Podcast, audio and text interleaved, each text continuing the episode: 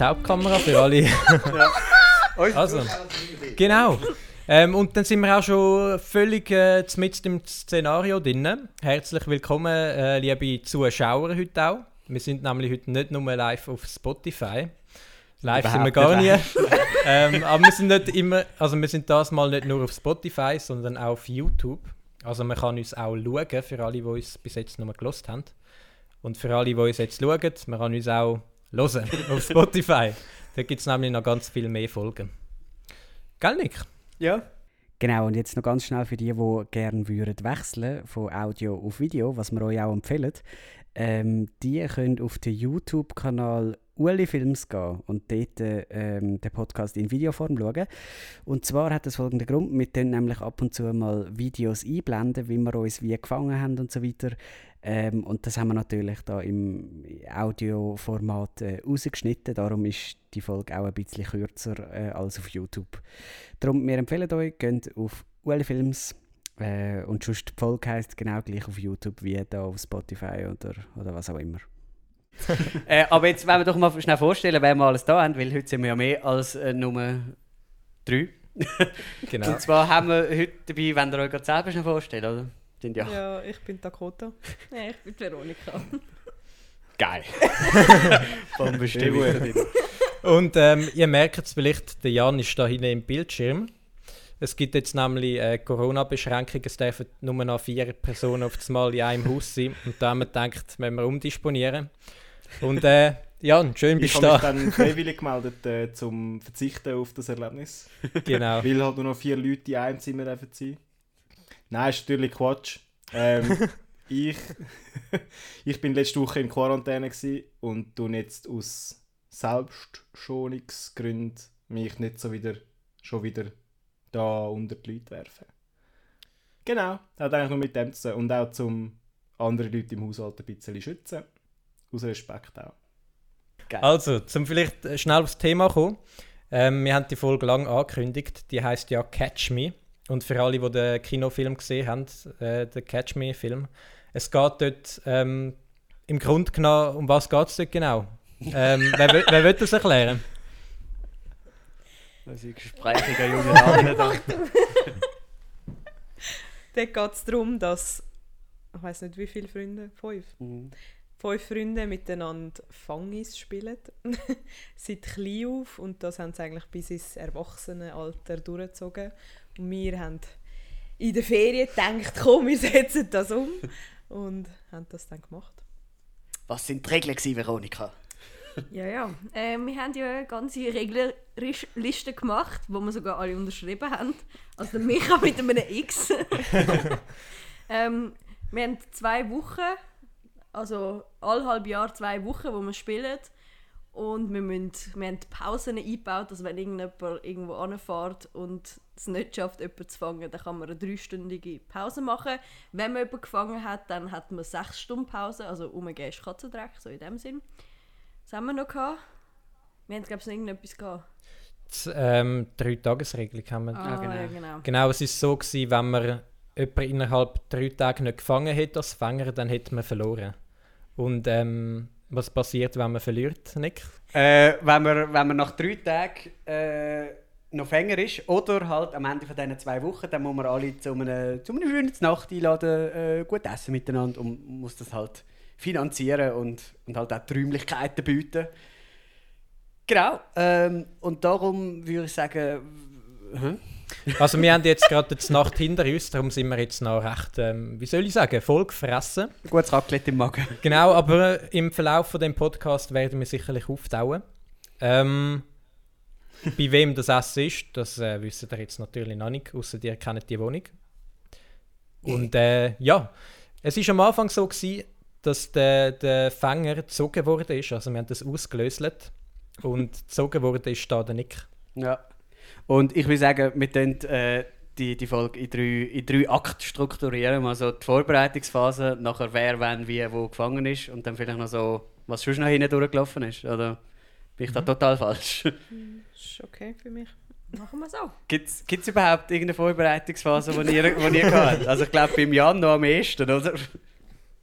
Hä, was Vorbereitungsphase? Ja, also Entschuldigung, bei dir hat die halt Nachbarschaft gewusst, dass, dass du da... Äh, Ich habe meine Nachbarn nicht informiert. Ich habe meine Eltern informiert und zwei, Kolle zwei oder drei Kollegen informiert, um was es geht. Und in welchem zeitlichen Rahmen ist das gewesen? Und wann hast du die ganze ist, informiert? also meine Kollegen habe ich während unserer Ferien informiert. Ach, schon? Nachdem wir entschieden haben, ja, schon nachdem wir äh, gesagt haben, wir machen das. Und meine Eltern halt, sobald ich daheim war. Äh, ja. Uns So blockiert hast du auch noch. So. Ja, genau. Auf den sozialen Medien hat er uns noch blockiert. Aber zu dem später, zu dem später, gell? Ja, Äh, nein, das hat er auch schon mit den Zevi-Dings hast du auch schon vorher gemacht.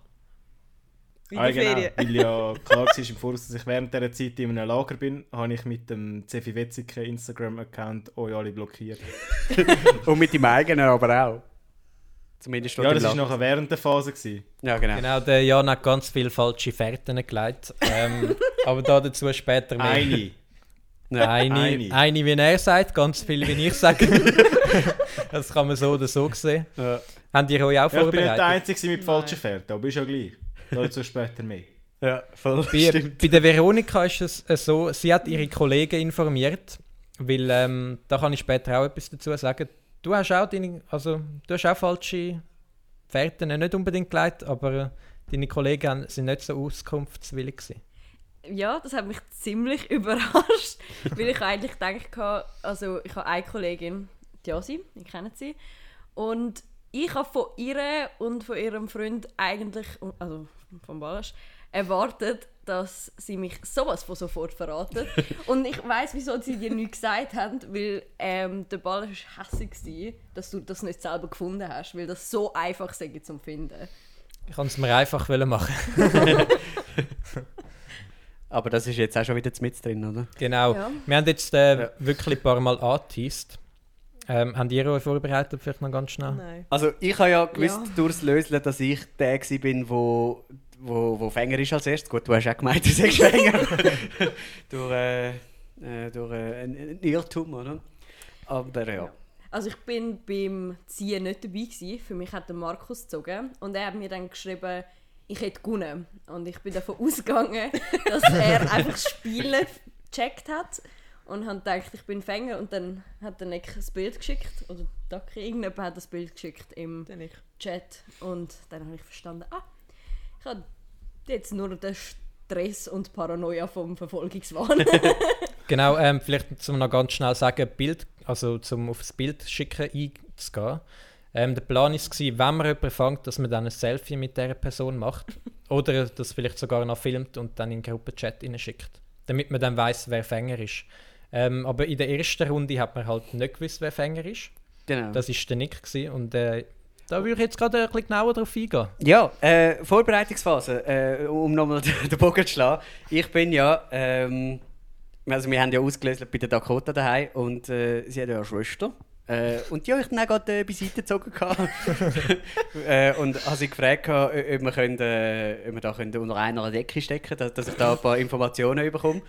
Und die habe ich dann auch bekommen. Und zwar einen Tag bevor es losgegangen ist, am Donnerstag, 1. Oktober, ist es ja losgegangen. Äh, und am Mittwoch vorher habe ich ihr angerufen, äh, um zu fragen, wann Dakota wo am Arbeiten ist. Du arbeitest ja in einer, in einer Kita, nicht wahr? Ja, genau. Äh, und dann hat es geheißen, 18.30 Uhr sei sie, ähm, äh, also sei sie fertig. Und dann habe ich gedacht, ich könnte mich ja, also ich habe dann so Verkleidung geholt im Zefi-Haus bei uns. Äh, und habe mich eigentlich so verkleiden als ein, ich weiß gar nicht genau, ein Bauarbeiter oder so, wo dann auf dem Parkplatz kann umeinander laufen äh, und, und dann irgendwie so ein bisschen an den Autos oder so rumschauen und wenn Dakota dann rauslaufen kommt, dass du mich halt nicht siehst und gerade davon säckelst. Nachher hat es dann aber kurz vorher noch geheißen, dass du noch eine Sitzung hast. Und dann bin ich davon ausgegangen, jetzt muss ich noch in die hohe Sitzung reingehen. Und habe darum noch ein Klemmbrett geholt, damit ich noch äh, so kann tun, als bräuchte Unterschrift, ähm, damit ich einen Grund dort reinzulaufen. Und bin dann, äh, als ich das Zeug angelegt habe, so ein bisschen weiter weg von dem Gebäude, äh, habe ich dann gemerkt, dass mir das alles viel zu klein ist, die ganze Verkleidung. Also ich habe ha so einen, einen Ganzkörperanzug angehabt, wo der hätte eigentlich müssen bis da gehen und ist irgendwie bis da gegangen und es hat richtig weh alles. Und da habe ich noch einen Helm angehabt, was hell blöd ausgesehen hat. Und eine schwarze Perücke. Und mit dem bin ich dann dort hingegangen und es war aber alles offen. Gewesen.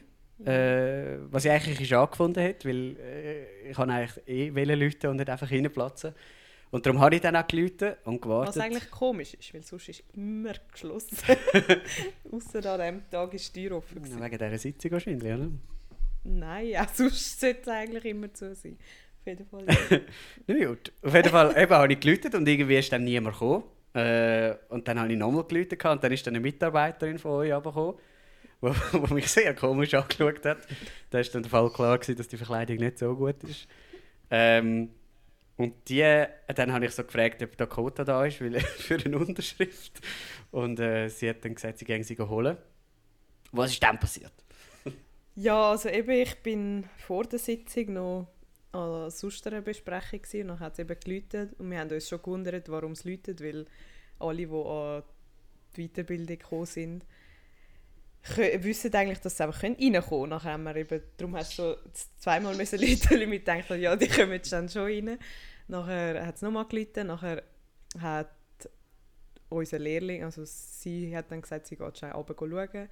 Nachher kommt sie auf und sagt, da kommt da vor der Tür einer so mit so schwarzen Haaren, in so einem blauen Anzug dann ich so, hä?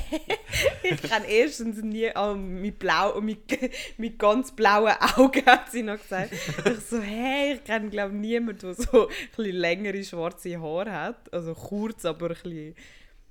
Und dann ich so, okay, ja, ich gehe runter ich habe am Morgen habe ich schon daran gedacht, dass es anfängt, aber irgendwie durch den Tag habe ich es völlig vergessen.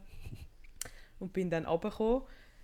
Und ja, durch das, dass die Tür offen war, habe ich dann schon eigentlich gerade gesehen, wo ich ihn gesehen habe, wer es ist. und dann noch kurz so weggehen aber ja, ja. hat nicht so gelangt. ich habe gedacht, ich bin so clever und dann so ein bisschen mit dem Rücken zu, zu dir stehen, damit du nicht sofort erkennst, wer da ist. Aber ja, das ja. hat nicht so gut geklappt. Aber dann hatte ich die halt gehabt. Ja. Und so ist es äh, übergekumpelt. Und dann bin ich Fängerin. Gewesen. Und es hat mich ein bisschen angeschissen, muss ich ehrlich sagen. Ähm, aber auf jeden Fall bin ich dann heim und habe mir lange überlegt, wer ich als nächstes fangen gehen Und habe zuerst eigentlich den Jan als mein Opfer auserwählt. Stimmt, der ist ja auch noch da. weil ich einfach gefunden habe, ja gut, er geht am Samstag ins Lager und habe gedacht, ja, vielleicht ähm, weiß auch nicht, vielleicht finde ich irgendetwas raus, wenn sie den Treffpunkt haben, bevor sie ins Lager gehen oder weiß Gott was und habe wirklich ihn ein bisschen probiert zu stalken und habe ähm, auch seinen Kollegen geschrieben, die haben mir keine Antwort gegeben. ähm, also, Wohl einer hat doch, während dem Lager Ja, ja, später haben sie dann, wenn, wo, ich wo sie nicht mehr Fängerin war, nicht mehr Fängerin war, haben sie mir dann geantwortet. Auf jeden Fall habe ich mich ein bisschen... Aber was, mehrere Kollegen oder was? Zwei. Ne. vom einen ja, der, weiss es, vom, vom anderen Der Joel weiss, weiss oder? Joel und... Oh, wie heißt der? Ich weiß nicht mehr. ja, der Joel weiss ich. Aber, ja, ich glaube einer, der gar nicht mit, mit dir im, im Lager war. Aber er ist auch in der Zürich. Ja. Auf jeden Fall, egal. habe ich mich ein mit meiner Mami zusammengetan. Ähm, und sie hat dann am Jan, Jan seine Mami geschrieben. und so ein bisschen, halt logischerweise nicht einfach so, ja, Dakota will wissen, wo er im Lager ist, sondern ja, sie und der Markus wollen ihn besuchen im Lager. Also viel mehr Sinn macht. Ja, ist sofort an mich weitergekommen. Und ist, das äh, haben wir schon, schon vermutet, dass... weitergeleitet worden Was? Ja, die Nachricht ist sofort an mich weitergeleitet worden. Ja, das haben wir stark vermutet, weil sie etwa eine halbe Stunde gebraucht hat, um zurückzuschreiben und sie es zuerst gelesen hat und nachher nicht zurückgeschrieben hat. ähm, auf jeden Fall ist sie dann, hat sie dann eine Nachricht geschrieben. Was hat sie für einen Ort gesagt? Dok Dockenburg. Dockenburg, Wildhaus. äh, Wildhaus, Wildhaus, genau. genau. Dass er in Wildhaus ist. Und ich habe wirklich ganzen Abend, ich glaube, wann, wann ist das gewesen? Den ganzen Freitagabend damit verbracht, um das Lagerhaus ein Lagerhaus in Wildhaus zu finden. Nein, das war am Samstag, als wir schon im Lagerhaus waren und ich bin mit meinem zweiten Instagram-Account bin ich seine Bilder... ich vergessen habe. Der hat dann nämlich nicht blockiert. Seine Bilder, ähm, wo sie halt auf Cefi Wetzike in die Story gepostet haben, vom Lagerhaus und von der Reise. Und bin wirklich den ganzen Abend am schauen, gewesen, wo das könnte sein In Wildhaus. ähm, auf jeden Fall habe ich es dann nicht gefunden. Und habe dann, weil ich ja nur drei Tage Zeit habe, hatte, zum Fangen, habe ich dann eine andere Möglichkeit müssen finden und habe mich dann für den Micha entschieden, zum auf Luzern zu gehen, ihn gut zu fangen. Und dort hatte ich eigentlich nicht wirklich einen Plan gehabt. Ich habe einfach ähm, also ich und meine Familie haben einfach gedacht, ja, wir verbinden es gerade mit einem Familienausflug Ausflug und gehen auf Luzern. Ähm, ja, sind dann am Nachmittag irgendwann sind wir dann losgefahren und sind zu ihm angefahren. Und zuerst habe ich mit meiner Nichte überlegt, dass sie ähm, sich vielleicht auch verkleiden könnte und als Mädchen Leute, die irgendetwas verkauft. dass er wenigstens die Tür aufmacht.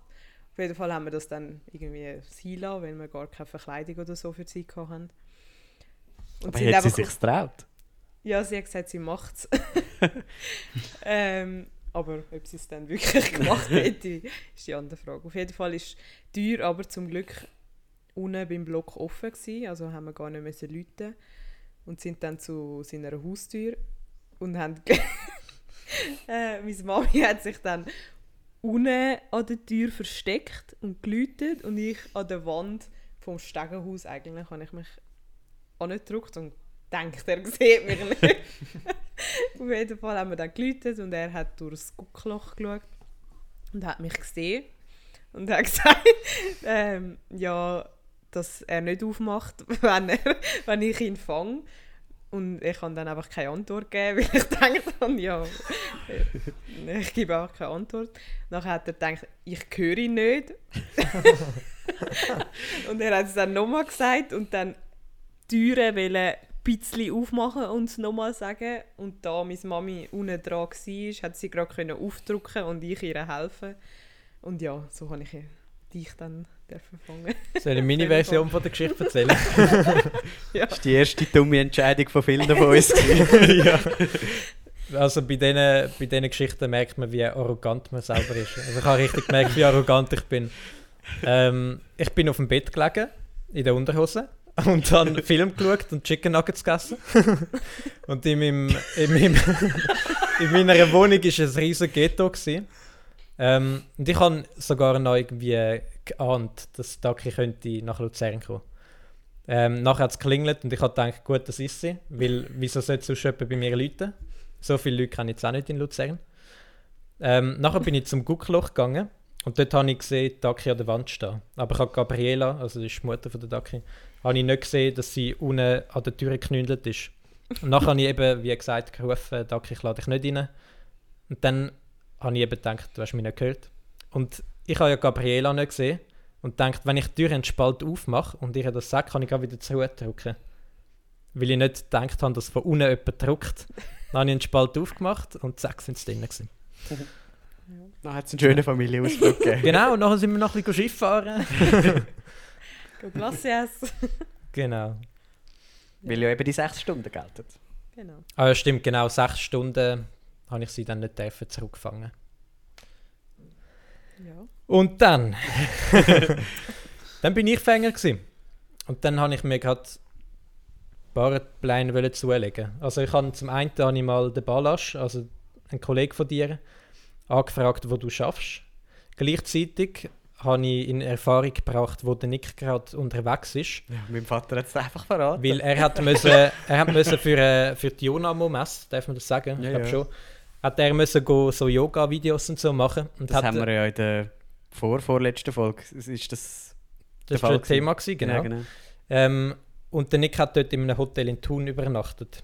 Und dann habe ich da seinem Vater auch noch geschrieben, wo, wo das Hotel ist, wo der Nick übernachtet und sofort den Link bekommen. die haben besser mitgespielt als Jan seine Eltern. weil Jan seine Mutter habe ich am Sonntagabend auch noch angerufen. Und, äh, Jetzt Abend um 9 Uhr oder so. Jetzt Abend um 9 Uhr, genau. Schön freundlich. Am Sonntagabend. Ich habe gedacht, sie hat nichts Besseres zu tun. Auf jeden Fall habe ich auch um 9 Uhr angerufen und gefragt, wo der Jan im Lager ist, weil ich ihm ein Fresspäckchen schicken Und sie hat mir dann auch die falsche Adresse gegeben. Ähm, Wildhausen, Toggenburg. Und dann habe ich, glaube irgendwie, ich weiß gar nicht, wie es dann weitergegangen ist. Auf jeden Fall, Taki hat dann herausgefunden, wo das Haus ist. Willst du da ja. etwas darüber erzählen? Ja, ich habe gedacht, weil der Jan mich so aufgeregt hat, habe ich gedacht, ich muss ihm das heimzahlen.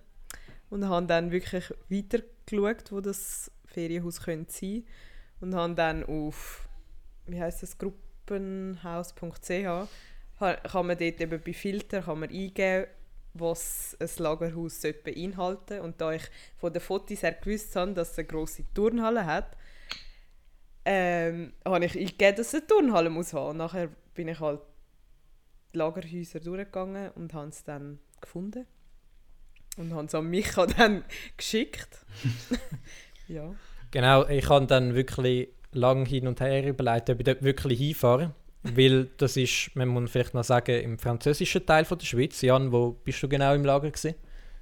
Im französischen, im französischen. Im Berner Jura war es, in Reconvilliers. Reconvilliers, oh. genau. Oh, aber schon. Ja, das klingt charmant. ähm, auf jeden Fall habe ich mich dann entschlossen, zum dort hingehen. Ich ja, natürlich, nach langer Überleg Überredung. Ja. Ich habe auch noch am Nick angerufen, um zu fragen, was so die Defizite sind, wenn die aufstehen dass ich vielleicht den Jan und seine Truppe kann draussen abfangen kann. Und ich habe so gehofft, dass du dort hingehst. Ich habe die ganze Zeit gedacht, das ist so. Weil irgendwie habe ich genauso wie Dakota, der Jan hat mich richtig aufgeregt. so, weil, weil du halt ins Lager gegangen bist und dort halt so in Sicherheit warst, habe ich mir die ganze Zeit gedacht, wenn du schon so weit weg bist und in einem Lager, dann muss man dich ja fast fangen irgendwie. Ja. Ich kann, jetzt kommt es ich habe mich auch in Sicherheit geglaubt. Am Sonntag habe ich mich in Sicherheit geglaubt, weil ich habe nicht gedacht, dass irgendwann noch jemand kommt. ich habe auch, ja. ich habe auch am Jan, seinem Kollegen, am, darf man den Namen sagen, sonst können wir einen Piepen, am Joel, habe ich auch geschrieben. Ja, Mich hat er ja. eiskalt ignoriert, mir hat er nicht mal nach zwei Wochen zurückgeschrieben, wie der Daki. Also mir hat er dann irgendwann geschrieben, ja, es tut ihm leid, er hätte die Nachricht erst jetzt gesehen. Ja, hat er erst jetzt gesehen. Aber ja, genau, ähm, dann bin ich am schönen. Wann war das? Gewesen? Dienstagmorgen. Am 6. Uhr bin ich aufgestanden und bin losgefahren. Und dann am 8. Uhr bei dem Haus. Gewesen. Und dann habe ich gedacht, ja, am 8. Uhr kommen wir langsam raus. Aber es war scheiß Wetter. Gewesen. Und dann habe ich dort ungefähr eine Stunde gewartet und sie sind einfach nicht rausgekommen. Und ich bin mir auch nicht 100% sicher, gewesen, ist der Jan wirklich dort. Und ich hatte noch so eine Perücke dabei. Gehabt und, und du hast ja mit uns noch jenste Sprachnachrichten hin und her geschickt, sodass du jetzt die epische genau. nicht recht weißt und so. Etliche Mal ums Haus herumgelaufen. Ich kann aber auch nicht am Haus zu näher kommen, weil ich nicht das Risiko eingehen dass sie mich dann sehen und dann extra nicht rauskommen. Auf jeden Fall ähm, bin ich dann lange in der Kälte gewesen. und dann habe ich gedacht, ich gehe mir jetzt in der Bäckerei, in der Dorfbäckerei ein Gipfel holen und einen schönen Espresso trinken. Und dann bin ich ein bisschen ins Plaudern gekommen mit der Bäckereidame und habe gefragt, ob ein Zefi da letztens unterwegs war. Ähm, und die hat mir dann gesagt, ja, der Zefi Wetziger ist gestern Brot holen. hat sie euch eiskalt verraten, Jan. ähm, ja, aber die Sprachnachrichten, die ihr da hin und her geschickt habt, kann man die nachher auch mal irgendwo hören? Nehmen wir die noch einblenden? Die, die können wir auch noch einblenden, ja. wir haben so, so einen richtigen, richtigen Film daraus gemacht. Sie sind vielleicht ein bisschen gemein gegen dich, ja. ja, aber das ist ja logisch, nicht? Die, wo, also, ich, mit die, dem habe ich ja irgendwie rechnen wenn ich mich so abschotte. Nicht? ja, ich selber die Schuld. Ja, du, schau, wenn ich Gewissheit hätte, dass die wirklich dort drin sind, dann äh, schön und gut.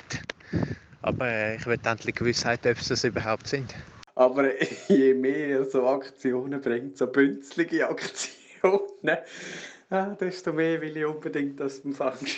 Der Jan regt mich so auf. auf jeden Fall, ich hatte eine Gewissheit gehabt, dass du beim, ähm, also dass du in dem Haus bist, Jan. Und bin dann mhm. nochmal zu dem Haus gelaufen. Also das ist so auf einem kleinen Hocker äh, oben gestanden. Und dann hat es dort, also es ist ja ein riesiges Areal. Und dann hat es dort... Es ist riesig, ja. Wie? Ja, ja, ist gleich. genau, auf jeden Fall hat es so ein Auto gehabt, das parkiert hat und dort hat es so zwei Berner Typen gehabt, so um die 30 herum, so 30 und 40 und die haben gerade ihr Velo ausgepackt. Und ich habe gedacht, ich muss jetzt irgendwie in das, in das Haus rein, weil der Jan, der wird nicht mehr rauskommen.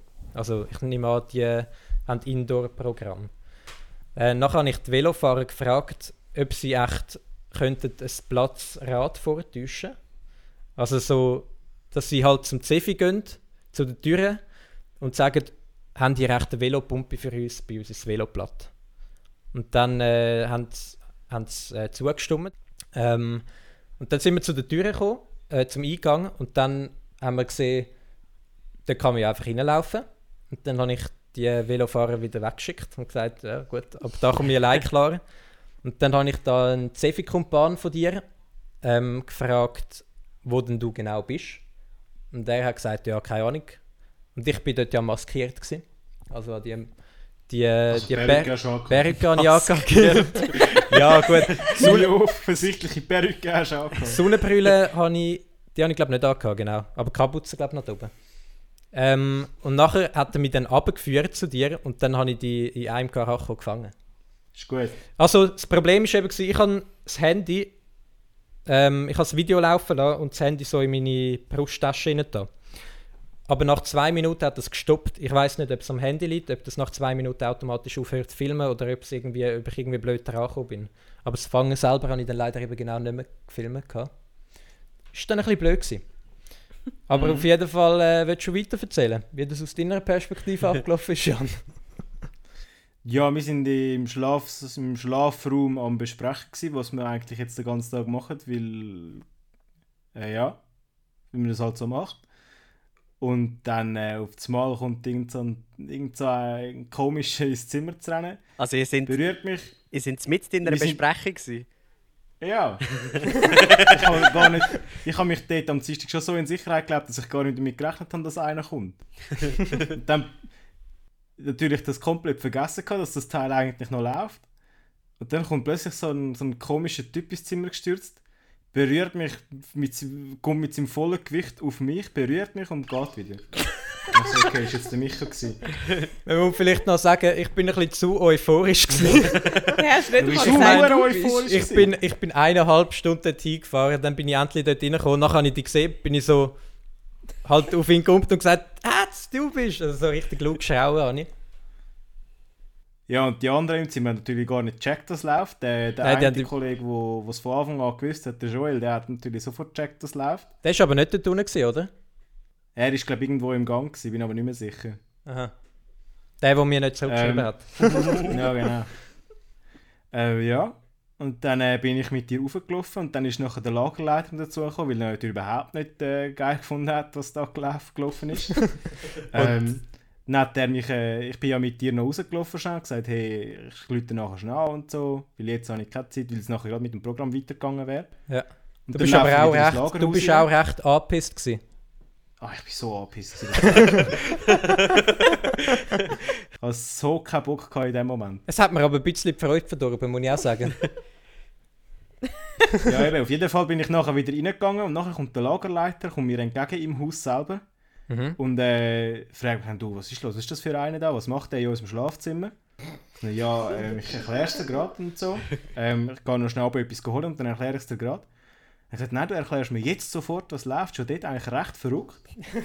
und dann, dann schaut er dort aus der Tür raus und dann läuft er mich an. Ich so, okay, ich kann nicht mal genau erklären, was jetzt eigentlich passiert.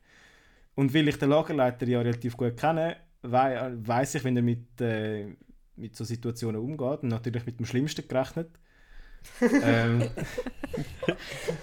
nachher ist er, äh, ja, ist er, auf, ist er zu dir gekommen, Michael? Er hat dann von weitem her gerufen, hey, komm mal, komm mal an.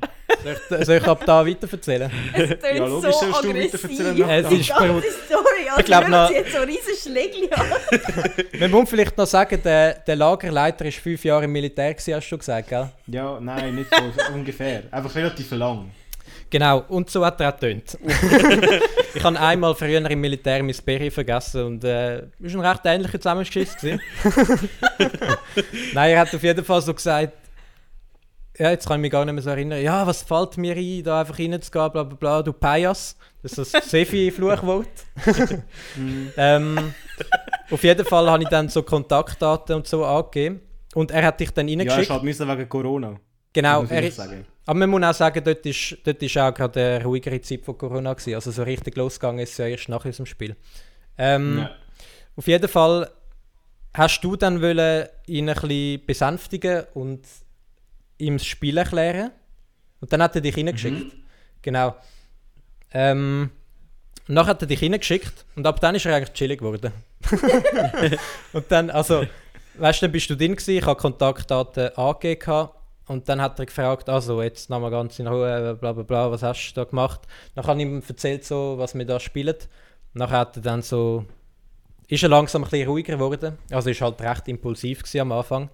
Ähm, dann hat er gesagt, ja, tönt ja nach einem lässigen Spiel, aber weißt du, ist nicht so cool, bla bla bla. Dann habe ich, hab ich einen auf verständnisvoll gemacht, weil man will ja nicht provozieren in unserem Moment, das ist ja unnötig. Dann habe ich gesagt, ja, ja, ich verstehe es, du, wenn, wenn, wenn ich noch etwas soll helfen soll, dann äh, sagst du es, gell, und bla bla bla. Und dann äh, hat er mich dann von der Leine ziehen lassen. Und dann bin ich wieder auf die Velofahrer getroffen und die haben gesagt, und, hast du ihn gefangen? Dann habe ich gesagt, ja, aber es war mega hässlich. und dann bin ich wieder heimgefahren, eineinhalb Stunden lang. Und dann sind ja die Diskussionen losgegangen, weil dann ist ja die Ui, Frage, dann gewesen- sind Diskussionen Dann, losgegangen. dann ist es richtig losgegangen. Leck du mir. dann ist ja die Frage gewesen, äh, weil du hast ja nicht können aus dem Lager rauskommen, hast du jetzt eine Art verloren oder, oder nicht, oder können wir die Zeit verlängern oder hast du länger Zeit und es ist uh, hure Gabaret. ich bin da mit am Dreh gewesen, und ich habe immer mitdiskutieren. ich habe immer so, immer, da- ich bin etwa alle 20 Minuten aufs WC gegangen, damit ich schnell wieder kann schauen kann, was der aktuelle Stand ist. Ja, was, Haben wir, was haben wir entschieden? Also ich habe ganz am Anfang, was ich noch schnell ergänzen Nachdem ich dann vom Jan heimgefahren bin, habe ich noch so mit dem Nick telefoniert unterwegs und nachher... Also ich habe so jemanden zum Reden gebraucht. Weil da fahrst du drei Stunden hin und her und wirst zusammengeschissen. Dann hat der Nick gesagt, ja du, das ist halt so, im CF hast du viel Verantwortung, bla bla bla. Nick hat mich da noch ein bisschen beruhigt. Ähm, genau. Also das Problem war ja, gewesen, du hast ja nicht können aus dem Lager rausgehen Und Ja, du genau. musst ja innerhalb drei Tage jemanden fangen. Und Mhm. dann habe ich halt vorgeschlagen, weil ich dich gefangen habe, habe ich gedacht, so jetzt stehe ich so auf eine Art ein bisschen in deiner Schuld, jetzt muss ich dir ein Angebot machen. Und habe dann gesagt, komm, wir geben dem Jan da noch ein bisschen Aufschubzeit. Und dann haben wir, glaube ich, sechs, wie viele Tage haben wir angeboten? Wir haben, also da, dort war ja Dienstag gewesen und wir haben dann gesagt, bis am Samstag pausieren wir, damit, wenn du am Samstag vom Und dass dann Lager... ab dann drei Tage wieder laufen, das Genau. war ursprünglich die Idee von Micha. Ja, Also Genau. Samstag, Sonntag, Montag eine Art. Und wenn du am Montagabend niemand gehabt hättest, hättest du verloren.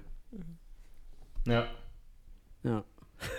Und dementsprechend haben wir dann das Spiel verlängert, also dass es nicht, nicht mehr 14 Tage gegangen sind, sondern 17 oder so. Ja. 16 sind nur zwei Tage verlängert worden. Ja, oder so. Eigentlich eigentlich noch recht komisch, aber ist ja gleich. Ja, voll. Die zwei Tage sind gewissen Leuten noch zum Verhängnis geworden.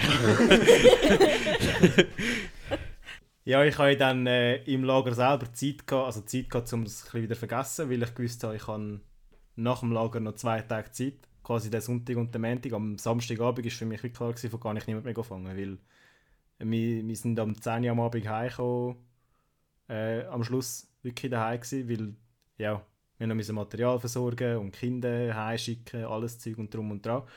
Und dort bin ich einfach nur auf der Schnur gelegen, blöd gesagt. Und am Sonntag selber habe ich eigentlich auch nicht so Motivation gehabt, um irgendetwas zu machen, nicht einmal um einen Plan zurechtlegen, wer das ich kann fangen Und dann natürlich ähm, ist da eine weitere falsche Fährte ins Spiel gekommen. Ui, die ist richtig Und fies ich natürlich vollkommen übermüdet, bin natürlich sofort darauf aufgesprungen. Und zwar hat Dakota ein Bild aus dem Knies Kinderzoo in Also man muss ein ganz- Bild gepostet.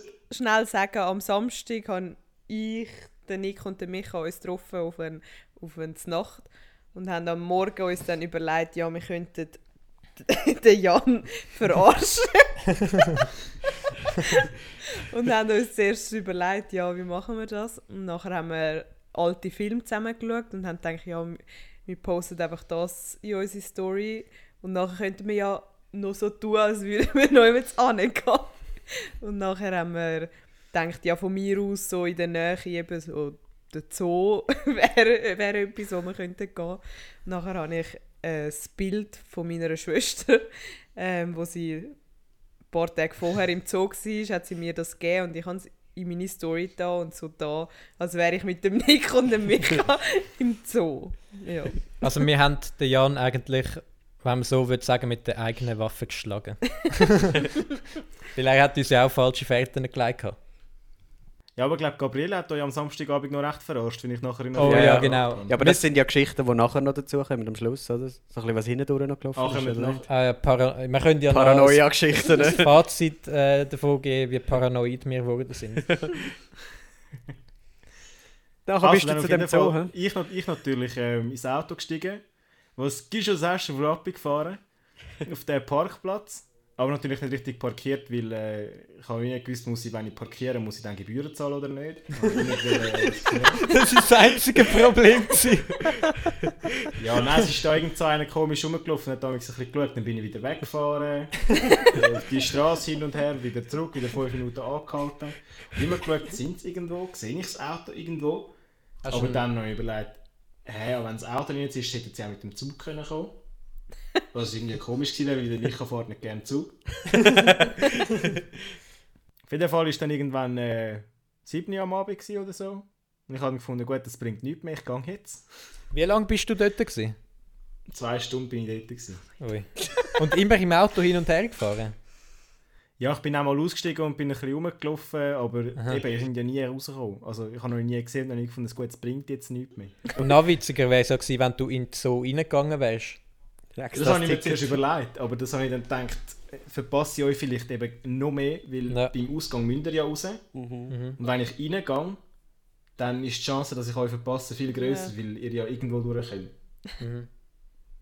Aber ich habe mir es auch überlegt, um in den Zoo reinzugehen. Aber das habe ich dann nicht gemacht. Auf jeden Fall hat es mir dann am Sonntagabend recht angeschissen. Ich bin heimgegangen und eigentlich nur ins Bett. Also ich bin heimgekommen und ins Bett gelegen. Halt, weil ich auch noch vom Lager müde war und weil es mich angeschissen hat, um sonst noch irgendetwas zu machen. und am Montag kann ich ja wieder ab PH müssen. Und äh, ich habe dem Nick irgendwann geschrieben, hey, äh, sind ihr eigentlich wirklich, wirklich im Kinderzoo gewesen gestern oder nicht? Und der Nick hat, dann, äh, hat sich dann über eine Sprachmemo zuerst mal richtig lustig gemacht über mich. Aber hast du nie vorher irgendwie gedacht, es könnte irgendwie äh, falsche Fährte sein? Weil ich habe ja, ich habe ja So sogar, ich offensichtlich habe ja sogar beide markiert. Also ich müsste ja Also, richtig stroh Ganz ehrlich, in dem Moment denkst du nicht, dass das eine falsche Fährte könnte sein. Wenn du, erstens bin ich müde gewesen, zweitens habe ich einfach die Chance wollen ergreifen, falls es ja eine gewesen wäre. Wäre ja wie blöd, wenn, wenn sich eine Chance nicht ergibt und du sie nicht nutzt. Weil Ja. am Schluss hat sich ja gerade so gut herausstellen dass ich nicht gehe und ihr gleich dort gewesen wäret. Ja, Was halt ein bisschen dumm gewesen wäre von dir, wenn du sie in deine Story gepostet hättest. Aber das ist ja nochmal ein anderes Thema. Aber wie gesagt, lieber nutze ich eine Chance, wenn sie sich ergibt, als wenn ich sie einfach sein lasse und es nachher sich nicht können lohnen Nicht. Das könnte auch in so einem Glückskeks stehen. Eins zu eins so. Lieber ich ergreife eine Chance, wenn es eine gibt, als nicht. Also ich bin ja sowas von davon ausgegangen, dass du niemand mehr wirst fangen. Ich bin zu 100% Ja, davon können wir- überzeugt. Können wir noch ganz schnell die Sprachmemo einblenden, wo du Weil da, ich mich über ihn lustig mache. wenn das für alle okay ist. ja, ja.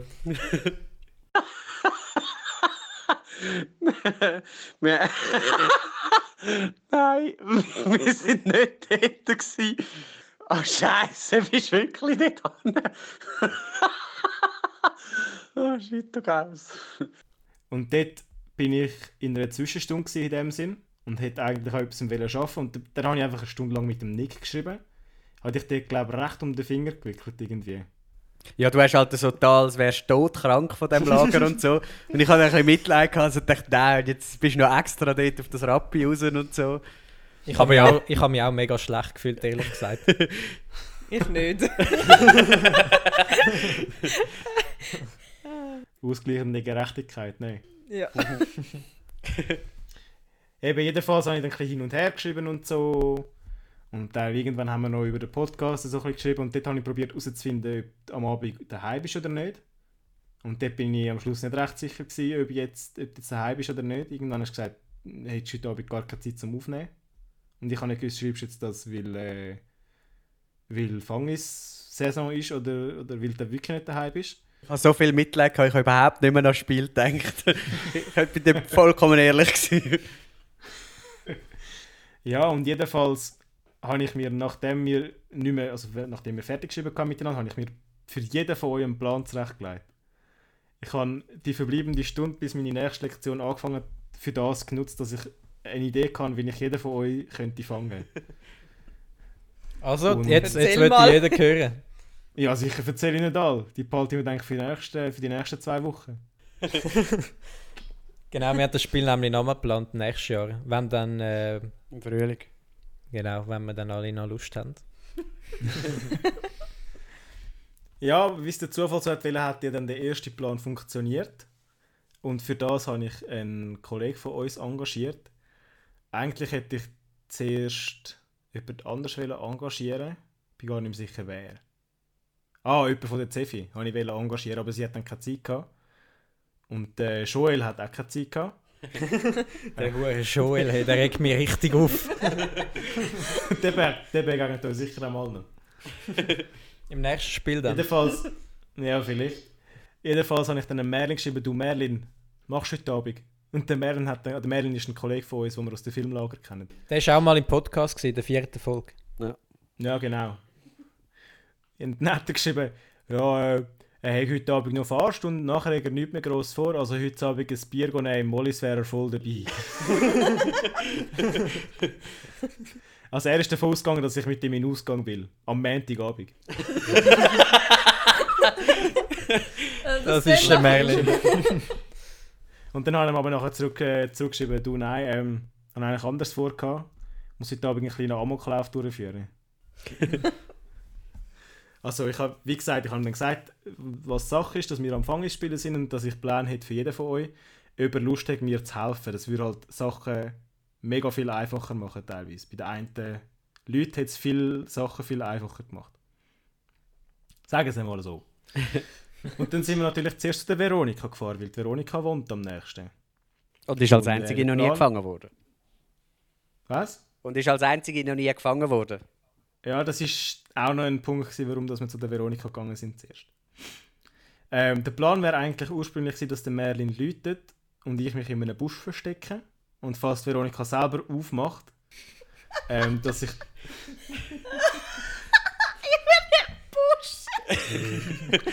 ja, Hat vor dem Hu Haus einen Busch, Veronika? an der, an, der, an, der, an dieser Stelle hat der Jan gemerkt, oh, shit, nächster Plan. es ist ja gar nicht so weit gekommen. Es ist gar nicht so weit gekommen, Micho. Und falls die Eltern aufmachen, dass der Merlin irgendeine Geschichte erzählt, von wegen, ah, er sei gerade in der Nähe gewesen, hat der Veronika irgendetwas gegeben. Und falls Veronika dann an der Tür gewesen sei, dass ich sie dann halt gerade fangen So ähnlich wie bei Micho irgendwie. Aber es ist ja gar nicht so weit gekommen, wie ich bereits gesagt habe. Und zwar haben wir das Auto parkiert, auf dem, so halb auf dem Trottoir. Und haben dann so äh, probiert herauszufinden, wie sollen wir jetzt denn da rauf äh, und so. Und dann von weitem hören wir, wie jemand ruft, «Oh nein!» Und ich schaue die Straße an. Ähm, okay, auf dem dazu, Velo. man muss aber dazu sagen, ich bin gerade vom Arbeiten heimgekommen. Ich bin ziemlich kaputt gewesen. Ich bin noch Nähsachen kaufen, weil ich meine Jeans haben will enger nähen. Und dann sehe ich eigentlich so ein mega komisches Auto dort stehen und so zwei Jungs. Ich so, hey, wer sind das für die? Und dann merke ich so, äh, der eine blonde Haare und sieht irgendwie aus wie der Merlin. Die kann ich zuerst gar nicht erkennen. So weit habe ich nicht gedacht. und dann habe ich gedacht, ja, also zuerst habe ich, habe ich mir überlegt, wo ich soll wegfahren soll. Und dann bin ich bin gerade neben so einem Weg gewesen. und ich dachte, ja easy, okay, da kann ich locker mit dem Velo anfahren. Ich meine, als würdest du so schnell rennen. ähm, ich habe aber die schlechte Überlegung gemacht, Dass du zuerst noch schreist. dass ich mich nicht zuerst umdrehe und dann schreie, sondern schreie und mich dann umdrehe. Und der Jan ist ja so schnell. Also, Oh mein du musst Gott. ja zuerst, zuerst musst du ja noch sagen, du hast geschrauen und dann haben wir uns gefühlt die 10 Sekunden einfach angeschaut. Ich habe überlegt, hey, soll ich jetzt rennen? Verwünsche ich sie noch? soll ich ins Auto steigen und ihr nachfahren, was auch viel länger gegangen wäre. sie umfahren. auf der anderen Seite, was du auf der anderen Seite der Tür überlegst, warum du nicht einfach weggefahren bist, weiss ich natürlich nicht. Hey, ich habe so lange gebraucht, um mich umzudrehen mit dem Velo. Ich habe gedacht, weißt, ich fahre so los und wende. Aber es war viel zu eng. Also du hast dich dann, du hast ich dich dann so angefangen langsam umdrehen, sobald ich losgerannt bin. Vorher bist du gar nicht, hast du dich gar nicht bewegt im Fall. Ich weiß im Fall gar nicht. Ich bin auch, ich bin so in einem Adrenalinschub gewesen. Ich habe gedacht, ich schaffe ich auch. alles. Aber geschrauen hast du aus Provokation. Nicht? ja, ja, ja. Also du bist genau wie ich einfach arrogant. ich habe einfach gedacht, das schaffe ich locker. Ja. es Ja, und ich bin dann halt schnell gewesen. Und ab dann, wenn wo der Jan losgerannt ist, hast du gemerkt, oh, jetzt sollte ich langsam auch. Und der Merlin hat nachher auch gesagt, er hätte nicht gedacht, dass ich sie noch erwische. Er war schon ist schnell. denn- Gewesen. Also ich bin ja noch Also du losgefahren. bist ja schon losgefahren gewesen. Ich bin schon losgefahren. Ähm, aber es, ja, nein, der Jan ist einfach zu Das schnell. hat nicht gelangt. Hast du sie aber nicht so gepackt wie ich dich, dass sie dem Velo geflogen ist? Nein, ich bin, ich bin neben sie angerannt und habe ihr dann auf die Schulter geklopft und ein paar Freudensprünge gemacht. Das erinnert mich Es an... ist noch nie... Es ist noch nie so befriedigend, gewesen, jemanden in einem Fangis zu fangen. Das Es ist so ein erinnert, Oh, das hat mich euphorisches so Gefühl, es hat richtig gut an. Kennt ihr die äh, Mr. Bean macht Ferien-Szene, wo er ein Töffel klaut, wo mega langsam fährt und der, dem, wo es geklaut wurde, ist, läuft so langsam neben ihm her. Ich habe gerade so diese Szene im Kopf. Ja, aber ich habe ja dann noch einen Softdrink angeboten, sind noch ein bisschen dort gesessen. Merlin hat von seinem Hacking erzählt. Ähm, und hat versucht, mein WLAN zu hacken.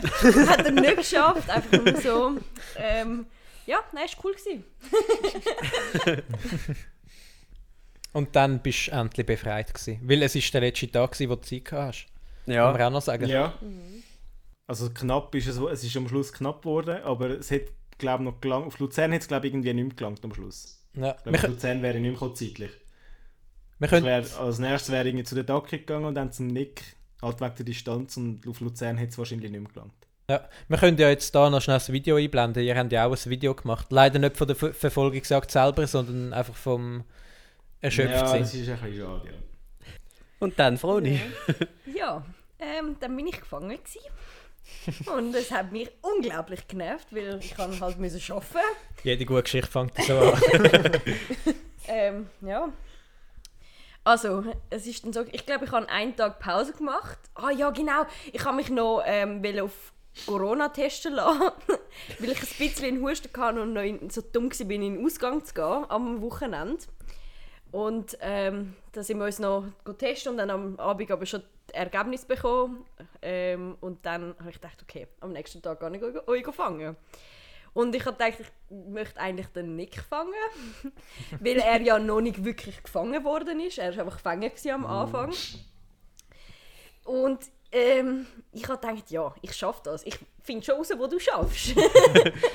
ähm, und habe dann, hab dann einfach so viele Berufsberatungen durchgesucht. Und ich habe gewiss noch angerufen. Und es ist ziemlich ein komisches, komisches Telefongespräch, wenn irgendwo anrufst und sagst, «Grüezi, ähm, schaff, schafft bei Ihnen Nick Weber?» «Nicht?» «Ah, okay. Ja, das ist alles gewesen. Danke. Ade!» Ja, es ist, es ist ein strange. Ähm, dann haben also etwa so 5 bis 10 Berufsberatungen haben von mir so einen Anruf bekommen. ähm, wenn sie zuhören oder zuschauen, das tut mir leid. ähm, und dann habe ich angefangen, deinen Friends zu schreiben, am Pampers, am Tülü und deinem Bruder. Und sein Bruder, bei ihm habe ich noch gedacht, okay, vielleicht haltet er ja zu mir. Hat er nicht gemacht. ähm, und hat, also alle haben geschrieben, außer der Tülü, dass sie das nicht wüssten Wo das ich schaffe. wo das du schaffst, ja. Wir Und- müssen vielleicht noch sagen, der Tülü ist nicht sein Mitbewohner. Ah ja, ja. Und ich habe von allen, immer wo du geschrieben hast, habe ich gerade eine Nachricht bekommen, du, äh, die hat mir geschrieben im Fall, was soll ich sagen und so. habe ich geil gefunden. Ähm, und dann habe ich am Tülü geschrieben und der Tülü hat mir ähm, eine Adresse geschickt, also eine URL. Und hat, hat halt geschrieben, du bist nicht im Team, aber da du eh 40% dort schaffst, habe ich gedacht, ja, das ist schon okay, weißt wenn er das noch hinzufügt. Dann bin ich auf äh, Oerdlikon gefahren, zu dieser besagten Berufsberatung. Und dann habe ich so, zur Sicherheit habe ich noch so gedacht, ich schreibe jetzt doch noch an Tim. schnell so, hey, aber weißt du vielleicht in welcher Gegend oder so? Und nachher so, ja. Ich darf es einfach nicht sagen, weil ich halt zu meinem Bruder. Tim, wenn du das siehst, hm, bin immer noch ein bisschen hässig. ähm, aber ich bin dann auf Max und habe ihn gefragt, ob es in Oerlikon ist. Nachher so, ja, sorry Froni, ist falsch. ähm, dann hatte ich natürlich angenommen, dann bin ich etwas mit meinen Friends trinken. Das war am zweiten Tag von Das war dir, am zweiten oder? Tag. gewesen. Und ich, ich habe halt nicht gewusst, was ich jetzt machen soll. Und ich dachte, ja, ich gehe am nächsten Tag Taki fangen, weil ich weiß, wo sie schafft. Ähm, also, oder ich weiß halbwegs, wo die Kitas sind. ähm, und habe so, hab so Kinderbücher von mir rausgesucht, alte. Und dann dachte ich, ich bringe sie dir eh. Oh, die habe ich vergessen. ähm, habe sie dir wollen vorbeibringen. Bin ich auf dem Weg gewesen, und dann hat Dakota so eine Instagram-Story gemacht. Ähm, so stellt man sich einen Nachmittag vor oder so. Und ja, da habe ich ihr geschrieben, bist jetzt wirklich daheim? Und sie hat gesagt, ja. Und ich dachte, okay, dann kehre ich halt wieder um. Das war Zufall, gewesen, weil ich kann dort einfach per Zufall können äh, früher heimgehen Sonst wäre ich schon am Arbeiten Das hat mich so genervt. Ich hätte nämlich auch können früher gehen aber ich habe nur so gedacht, nein, dann vielleicht am Morgen sind sie noch im Wald oder so. Ja, ich weiß auch nicht. Ah, hat mich das genervt. Und dann habe ich in den Chat geschrieben, dass ich will aufgeben dass ich eigentlich keine Lust mehr habe. Weil ich, kein, ich habe nicht gewusst, ich habe nicht auf Luzern. Der Jan hat keine Ahnung, gehabt. ich habe noch eine Mail geschrieben, ob du in der Schule bist oder nicht. ähm, der hat dann geschrieben, nein. Und ich dachte, ja, okay, der Nick. Und dann hat der Nick ein Bild geschickt im Chat. Das blenden wir jetzt ein. Ähm, Ja, da, das ist wieder so Das Stichwort Arroganz. Arroganz. Ja. Ich habe mir so gedacht, es ist doch, ist doch lustig, noch so ein bisschen, noch ein bisschen fies sein. So, ich schicke jetzt noch ein Bild, dann denkst du, ah, jetzt muss ich gleich noch herausfinden und so. Und du wirst das nie hey, herausfinden. ich bin so hässlich ab diesem Bild. ich habe es dann so in Google gesucht, du kannst so Bilder suchen, ähnliche. Und ich habe alles geschaut. Es hat noch ein, Bild, also ein Auto drauf gehabt, wo irgendwie so eine Marke oder so etwas drauf war. Und dann habe ich nach dem gesucht, habe ich nicht gefunden. Und irgendwann habe ich gedacht, okay, ich versuche das nochmal mit diesen Berufsberatungen. Und habe dann angefangen, extra für außerhalb von Zürich gesucht und dann extra für Jugendliche. Und ich weiss, der Nick hat gesagt, wir haben mal für sie irgendeinen Film gemacht. Und dann habe ich einen gesehen, mit dem wir schon mal zusammen geschafft haben. Also ich habe ihm für, ähm, für das Video mal anrufen und den habe ich erkannt. Und dann bin ich auf Google Maps gegangen mit dem Männchen und habe das gesucht und ich habe halt den Bogen gesehen auf dem Bild und den, und den Baum und so und dann habe ich gemerkt, aha, das ist also da. Und ich bin so knapp dran gewesen. Ich bin dann auf den, auf den Zug gesäckelt und bin dann, wann bin ich dort gewesen? So um halb fünf oder so. Und um fünf wäre mein, mein, also wäre eigentlich für mich vorbei gewesen. Nein, nein, Meine am drei 7. wäre fertig Am- gewesen. am 7. Und du bist, 7. glaube ich, um Ja, halb sechs dort gewesen. Um Ja.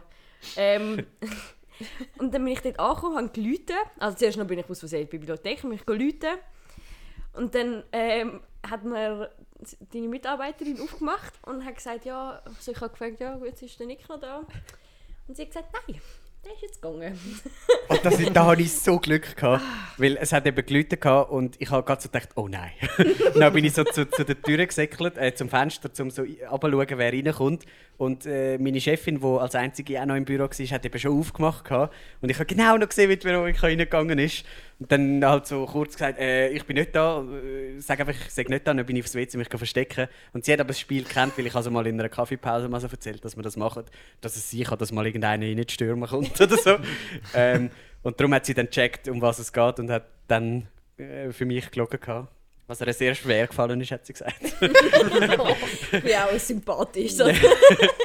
ähm, ja, jedenfalls bin ich dann wieder weggegangen, aber habe dann sein Auto gesehen und die Tasche dort drin. Die Tasche hat es verraten. Und dann bin ich weggelaufen und ich habe, ah ja, man muss sagen, ich habe noch ein bisschen Psychospiel auf dem Weg gespielt. Ich habe noch an Micha geschrieben, irgendwie so, hey, bis, weißt du, bis wann der Mi- Nick schafft und soll ich bei ihm daheim warten und so, weil ich denke, vielleicht schreibst du ihm noch, damit er sich ähm, in Sicherheit, Sicherheit wägt.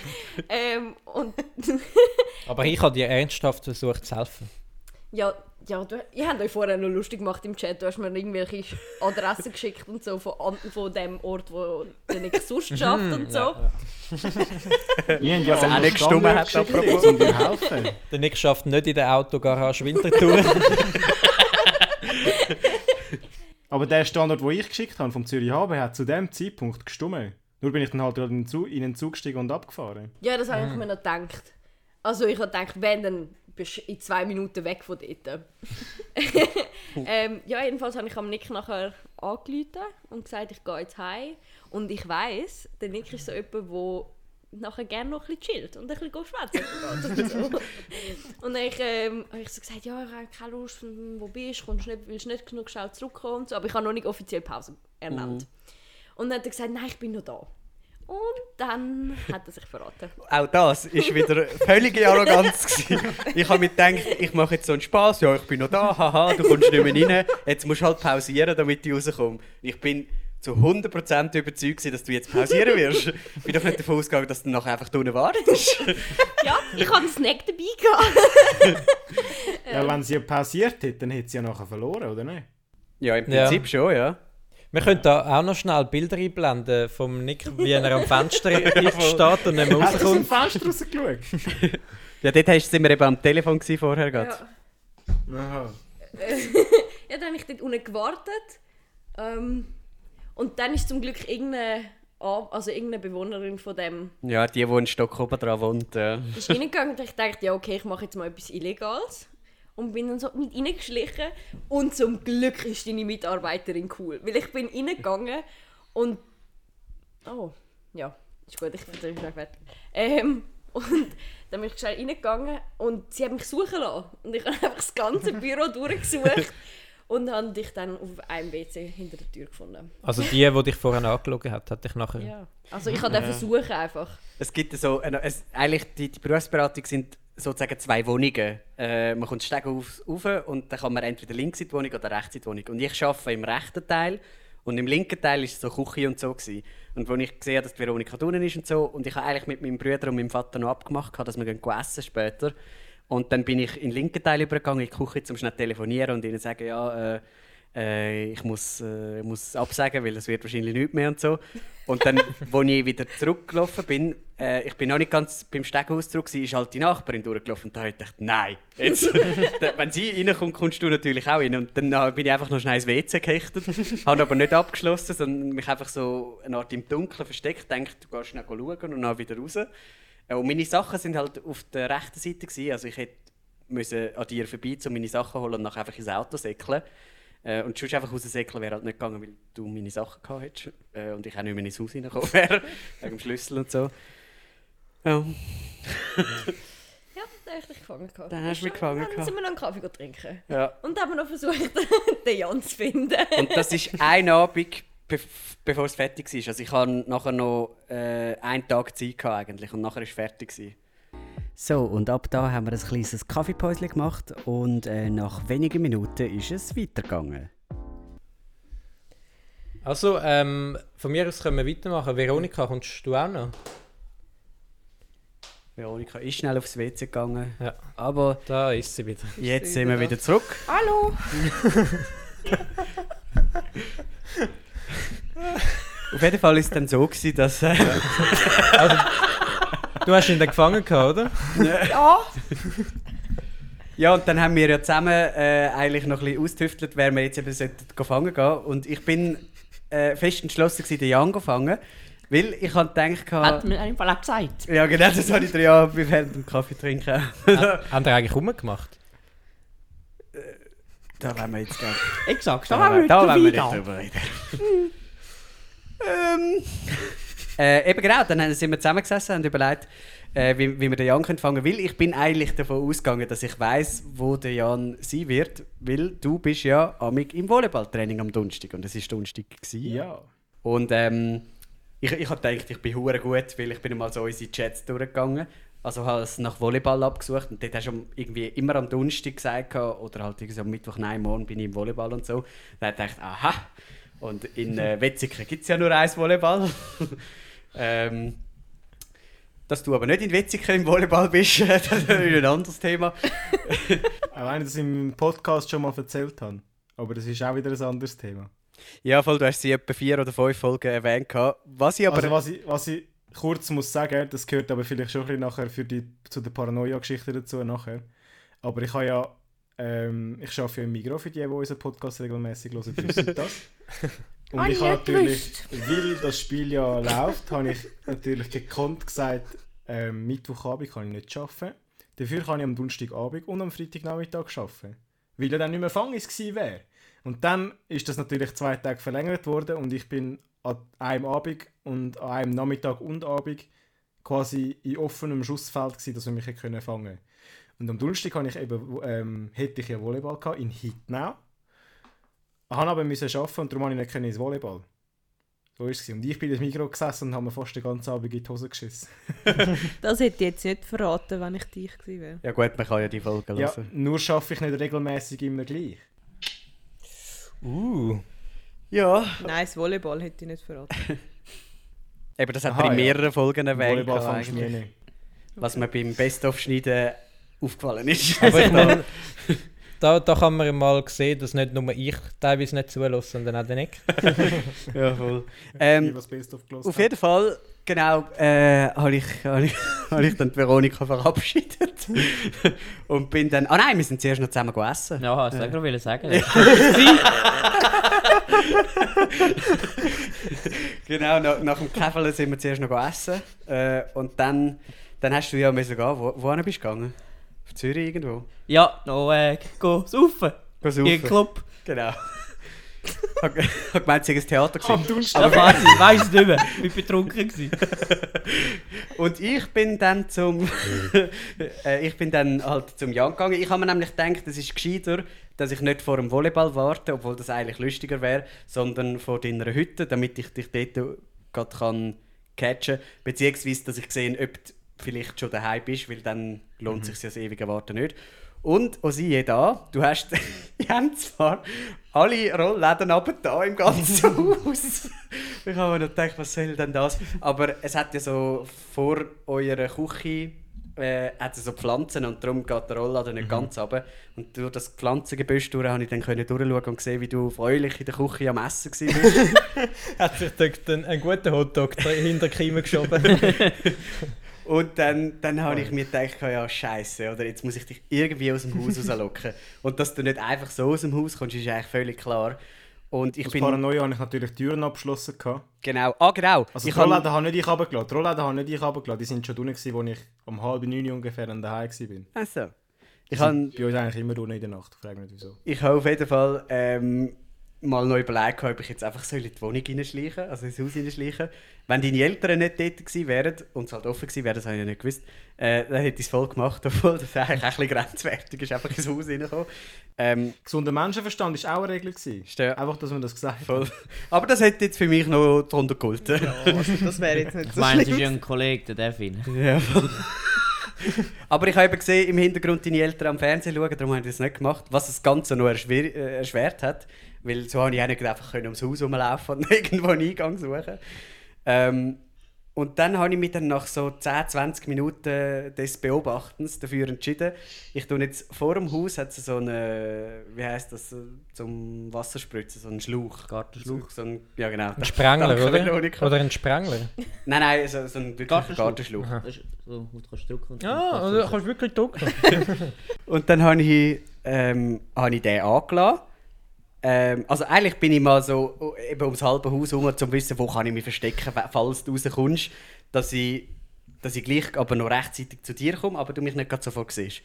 Äh, und dann habe ich den, den Wasserhahn angestellt und nachher ist dort äh, Wasser wie ein Moor rausgespritzt und dann bin ich davon gesäckelt und habe mich eigentlich verstecken und bin davon ausgegangen, du wirst das hören und aus, aus der Wohnung rauskommen. Ähm, leider ist aber genau dann, wo ich weggesäckelt bin, deine dämliche Nachbarin auf, auf dem Velo zu fahren Grüß gekommen. gehen aus an meine Nachbarin aus dem Nummer 6. Ja. ähm, also, so schlimm sind sie nicht, aber äh, sie haben schon ein bisschen mit da. Äh, die gute Frau hat nämlich gerade so, als sie mich halt gesehen hat, davon gesagt hat, so gerufen, so, hey, was machst du da?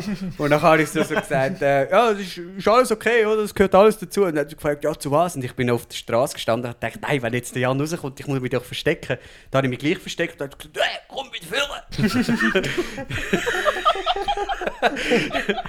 ähm, Hat sie genau so geredet? ja, ein bisschen, ein bisschen höher. Er hey, komm wieder vorne! Hey, hey. Und dann bin ich, bin ich wieder vorgekommen und er hat gesagt, sie, äh, ist wirklich alles okay, der Jan weiss Bescheid. Dann hat sie gesagt, ja, warum tust du denn da das Wasser laufen lassen? Dann hat gesagt, um den Jan rauslocken aus dem Haus raus. Der muss jetzt nicht am Abend um 9 Uhr aus dem Haus raus. Äh, das ist eine Wasserverschwendung und so Zeug. Da hat sie mich voll zugetextet. Und dann habe ich ihr so gesagt, alles gut, ich stelle es wieder ab. Und dann bin ich wieder zurückgegangen und habe es wieder abgestellt. Aber das ist laufen lassen. Ja, das, hat, das, hat gelaufen, das ist gelaufen während, äh, während dem Gespräch. Hast du hast du in dem Moment eigentlich Glück gehabt, dass ich irgendein Video geschaut habe, dass ich nicht, dass ich es nicht gehört habe und nicht rausgekommen bin? Ja, ja, gut, dann hätte ich die ja gehabt. Das wäre noch schön gewesen. Ja, ich hätte dich halt von weitem gesehen, aber das ist nicht so ein... Ja. Dann wäre er aber hässlich gewesen und hätte die auch zusammengeschissen. gut, das wäre mir dann noch gleich gewesen. Hauptsache ich habe ihn gefangen. Ähm, ja, nachher ist die wieder zurück, also dann ist sie in ihr Haus gegangen und hat, hat dann nachher am Jan nachgelegt. und ich habe das gehört, ich bin nämlich wieder vor dem Küchenfenster gestanden, schauen, ob du irgendeinen Wank gemacht hast, aber du bist ja immer noch fröhlich am Essen und hinten gesessen. Dann habe ich gedacht, ah, shit, was mache ich jetzt? Und ich habe dich ein bisschen gehört und darum habe ich dann gehört, wie, wie du das Telefon abgenommen hast und du hast gesagt, ja, hallo und so. Nachher ist mir gar klar gewesen, die hat jetzt wahrscheinlich angerufen. Da habe ich mal so hinterher geschaut und gesehen, sie starrt mich so vom Balkon oben an. Oh. Und dann bin ich so langsam abgegangen in das Gebüsch. in der Hoffnung, dass sie mich irgendwie nicht sieht im Dunkeln und so. Aber die hat mich etwa fünf Minuten lang die ganze Zeit dort runtergestarrt. Und was hat sie dir am Telefon gesagt? Am Telefon hat sie eigentlich nur gesagt, also zuerst hat sie mir geschrieben, dass jemand ums Haus herumschleicht. Und dann habe ich zuerst mal müssen lachen, weil sofort klar war, was los ist. Und dann habe ich im ersten Moment eben nicht zurückgeschrieben und dann hat sie nachher angerufen. Und als ich gesehen habe, dass sie es ist, die anruft, habe ich gedacht, gut, nehme ich es halt ab, weil ich weiss, um was es geht. gesagt, look, ähm, der, der, versucht mich zu fangen, wir sind das Fangen am Spielen. Äh, Ich gehe jetzt nicht raus, er hat keine Chance in dem Sinn. Lass den ein bisschen ums Haus herumhühnern in dem Sinn. Und ähm, dann haben wir, habe ich aufgelegt und dann habe ich halt probiert herauszufinden, wo das so genau hockst. Also, probiert herauszufinden, sitzt unter dem Küchenfenster, ich habe dann so ein bisschen rausgeschaut und so und so probiert herauszufinden, wo du hockst. Und habe ihr dann geschrieben, ob sie dann sieht, wo du sitzt. Und dann hat sie natürlich dann gesagt, wo du bist, zwischen Küchenfenster und Haustüren. Genau dort, wo ich natürlich nicht gesehen. Und ich habe wie nicht können aus dem Fenster raus sagen, hey Nick, ich komme nicht raus oder so. Also das Fenster schrägste, dann hätte ich wahrscheinlich können und dann Nick, ich komme nicht raus oder so. Aber ich habe dir dann angeläutet natürlich. Mhm. Ähm, und habe dich dann gefragt, ähm, wo du bist. Und du hast nicht, was, weißt, das Ich- ich, daheim irgendwie. Ich bin die Schiene gefahren, dass ich gedacht habe, wenn ich jetzt so tue, als wäre ich nicht vor Ort und es einfach nicht zugebe, dass du dann irgendwann denkst, okay, wer ist vor der Tür? Und nachher gehst du gleich raus. Äh, aber ich meine, du bist Spenger gewesen, als ob er denkt, das wäre ein Einbrecher. Dann geht er ja erst recht nicht raus. ja, nein, Ja, dann meine Eltern haben, was lustig war, ist, meine Eltern haben natürlich gehört, wie ich mit dir telefoniert habe. Und dann hast du gesagt, oh, sagst du, ah, du bist daheim, du hockst in dem Fall nicht bei mir vor dem Haus. Und du natürlich so, nein, nein, am Telefon. Für mich war offensichtlich, du hockst da vor der Hütte, weil wer es jetzt sonst? Und meine Mutter aus dem Hintergrund, ja, nicht mal die Polizei. Ich sagte, chills, Mann, es ist nicht mal da vor dem Haus rumhühnern. Aber äh, ich meine, wenn du mit dem Nick telefonierst, hat man dann nicht Nick seine Stimme gehört, wenn Ich er direkt dann- vor dem Fenster Nein, ich Ich nicht bin weiter weggegangen. Er ist ein bisschen weggelaufen dort. Ja. Ja, und dann, ähm, Dann er hat dann irgendwie gehofft, dass ich gleich rauskomme, aber nichts geworden und dann habe ich es dann zugegeben. Und dann haben wir ein Ja, Timeout gemacht. Das erste Timeout in dem ganzen Spiel, ja, und dann ich müssen, müssen setzen. dann haben wir noch 15 Minuten geschnackt miteinander. Und, Ja. und dann bin ich dann traurig heimgegangen. Und du hast ja dort, du hast ja dort so völlig offensichtlich in unserem Gespräch mich darauf hingewiesen, dass du dann morgen nicht in dieser Mikro bist. Du hast die ganze Zeit so gesagt. Also, Ich habe im ähm, Nachhinein dann gedacht, ähm, shit, wieso habe ich jetzt gesagt, dass ich nicht dort arbeite? Es ist ja recht offensichtlich eigentlich. ja. ähm, und dann, wie am Freitagnachmittag, wieder die ganze Zeit damit gerechnet, äh, dass da irgendjemand auf die Matte tanzt. Ja, du bist ja so, äh, zum einen hast du die ganze Zeit gefunden, komm, geh mal den Micha fangen, der, der fühlt sich so wohl in Luzern, hast du die ganze Zeit gesagt. und nachher noch irgendwie eben so, äh, jetzt habe ich zum Glück können das mit dem Mikro wechseln, oder? Jetzt äh, wäre ja noch gewesen, aber ich bin jetzt zum Glück nicht, aber ich sage natürlich nicht, wo ich bin, aber in dem Mikro ja zum Also, Glück nicht. mal gesagt oder so. da, da haben wir die ganze Zeit gedacht, ja komm, ich weiss, dass du in der Migros bist. ähm, aber irgendwie habe ich gefunden, ich muss gleich jemand anders fangen, weil es ist ja langweilig, wenn ich dich zweimal versuche. Ähm, und du wärst dann eigentlich so ein, ein Notfallplan gewesen. Haben wir dann aber tatsächlich gedacht, komm, ich, ich gehe mit dem Micha. Äh, und für das habe ich eigentlich auch einen guten Plan, also einen einigermaßen guten Plan gehabt. Ich habe gedacht, du wirst irgendwann müssen arbeiten. Also gehst du irgendwann aus dem Haus. Also warte ich einfach so lange, bis du aus dem Haus rauskommst. Wir haben Freitag gehabt, gell? Wir haben dann, also das ist dann der nächste Tag, der letzte Tag, das ist der Freitag. Freitag, genau. Ja. ja, halb fünf Uhr am Morgen bin ich aufgestanden. bin dann um Viertel vor fünf bin ich losgefahren und um Viertel ab fünf irgendwann bei dir in Luzern gewesen. Viertel ab fünf. Ja, ich habe mir so gedacht, es reut mich dann richtig, wenn ich jetzt irgendwie, keine Ahnung, um 6 Uhr dort bin und du um Viertel vor 6 Uhr wärst arbeiten. Da Warum auch kennst du mich ganz schlecht. Ja, ich habe gedacht, lieber ich warte, ich warte die ganze Zeit, als ich bin nachher zu spät und dann bin ich umsonst dort hingegangen. ja. Und ich habe mir aber, ich habe mir, äh, mein Mitbewohner hat eben noch Geburtstag gehabt, ein bisschen vorher und hat Kuchen noch gehabt und da habe ich noch ein bisschen Kuchen mitgenommen. äh, haben wir noch einen schönen Tee gemacht, äh, weil ich so davon ausgegangen bin, ich muss ja für warten vor, vor dem Haus. Ich habe ganz viele Sachen mitgenommen gehabt. Ich habe sogar, ich habe sogar äh, einen kleinen Vlog gemacht mit dem Handy, weil es mir langweilig war und nachher gerade noch auf dem Handy geschnitten. Können wir den gerade noch einblenden? Da können wir auch noch, ja, Unbedingt bitte. der erzählt halt den ganzen Ablauf, was ich so gemacht Ah habe. gut, dann können wir ihn ja nachher, nach dem Erzählen einblenden. Ja, voll. Äh, ich, Oder bin, Teil. Ich bin zuerst, äh, ich hatte zum Glück gerade einen Parkplatz vor dem Haus gehabt und Mhm. habe gedacht, jetzt warte ich einfach, bis du rauskommst. Aber nachher irgendwann ist mir dann aufgefallen, wenn du rauskommst und mein Auto siehst, dann kannst du gerade wieder reinsäckeln und dann habe ich Pech gehabt. Darum bin ich dann ums Haus herum, damit ich sehe, wenn das Licht in deinem Zimmer oder in deiner Wohnung halt angeht, dass, wenn es irgendwann wieder abstellt, dass ich dann wieder zurückkommen kann. Du Arme. Ja. Und das habe ich dann aber nachher per Viertelstunde auch wieder abgebrochen, weil es mir zu kalt war. Und dann ist jemand aus deiner Wohnung, also aus dem Haus rausgegangen und dann bin ich rein. Äh, und habe dort äh, etwa zwei oder drei Stunden gewartet. Einfach Und- so im Stegenhaus. ja, voll. Bitter, bitter, bitter. Und habe dort äh, das, Oh. das Video ein bisschen geschnitten. gehabt. Ich habe ein bisschen Podcasts gehört. Und immer wenn Leute gekommen sind, bin ich gerade so mich verstecken und habe gewartet, ready gewesen, zum rauskommen und Adrenalin immer auf 100%, oder? Und dann immer gesehen, ja, ist jemand anders, dann bin ich wieder gewartet. Ähm, und irgendwann, ich habe eben noch einen, einen späteren Termin gehabt, ich glaube auf die 10 oder so, habe ich noch einen Termin gehabt und gewusst, ich muss spätestens um 9 Uhr gehen. Und es war 8 Uhr dann zu dieser Zeit. Äh, und ich habe gedacht, äh, normalerweise wärst du doch sicher schon gegangen, also muss ich jetzt irgendwie, äh, dich irgendwie rauslocken. Und dann war meine erste Idee, gewesen, Klassiker der Pöstler. Du musst irgendetwas unterschreiben, oder? Und es gibt ja drinnen vom Haus gibt's ja all die Leute, wo du nachher durch die Lautsprecheranlage kannst reden Ja. So, ab da hat leider unsere Hauptkamera und damit verbunden mein Ton den Geist aufgegeben. Darum werdet ihr mich jetzt nur noch in bisschen schlechterer Qualität hören. Und äh, ja, darum, darum ist das passiert. Ein kleiner Fauxpas kann passieren. Äh, Limoncello ist nicht ganz perfekt, oder? Bei Limoncello ist immer ein Auf und Ab, äh, ein Rein und Raus und äh, genau. Darum geht es jetzt einfach weiter. Und ich habe dann gedacht, wenn ich jetzt äh, äh, dort sage, ich bin der Pöstler, äh, komme etwas unterschreiben, dann wirst du vielleicht noch runterkommen, aber weil du ja weißt, dass die Tunnel eigentlich geschlossen ist, ähm, fühlst du dich wie sicherer. Und so kann ich mich drinnen halt verstecken äh, und warten, bis du runterkommst. Und für das habe ich dann, mich, damit nicht ich dann halt mit dir rede, weil mich jetzt schon sofort erkennt, habe ich, meine, habe ich den Strizia angerufen. Das ist meine, was ist das jetzt schon wieder? Nicht der zweiten Grades. Ja. Tochter von meiner Cousine. Ähm, und die, die habe ich dann am, am Nattel gehabt, damit sie nachher sagt, sie sagt der Pöstler und danach mit dir über die Lautsprecheranlage redet. ähm, dann haben wir etwa fünfmal geläutet und du hast einfach nichts gesagt. Hat mich richtig aufgeregt. Äh, bist du jetzt schon wach gewesen? Überhaupt? Ähm, also ich bin ja dem Morgen bin ich, bin ich daheim gsi und ich habe gedacht, ich schlafe schön auf, äh, aus und das war irgendwie halb neun, gewesen, oder? Kann das sein? Ja, ungefähr. Also das Leute ist etwa Viertel ab 28. Ja, also das Leute hat mich aus dem Schlaf geweckt. und ich habe aber gewusst, erstens, ich habe nichts bestellt, also Pöstler kann es nicht sein. Und zweitens, der Pöstler stellt das Zeug sowieso einfach unten an. Also der braucht keine Unterschrift und nichts einmal, auch wenn es ein richtig teures Paket ist. Also äh, wenn er mal klauen dann... Nein, vor allem weiss ich auch, dass unten 50% von der Zeit ist einmal die Türe offen, also ist einfach Glückssache.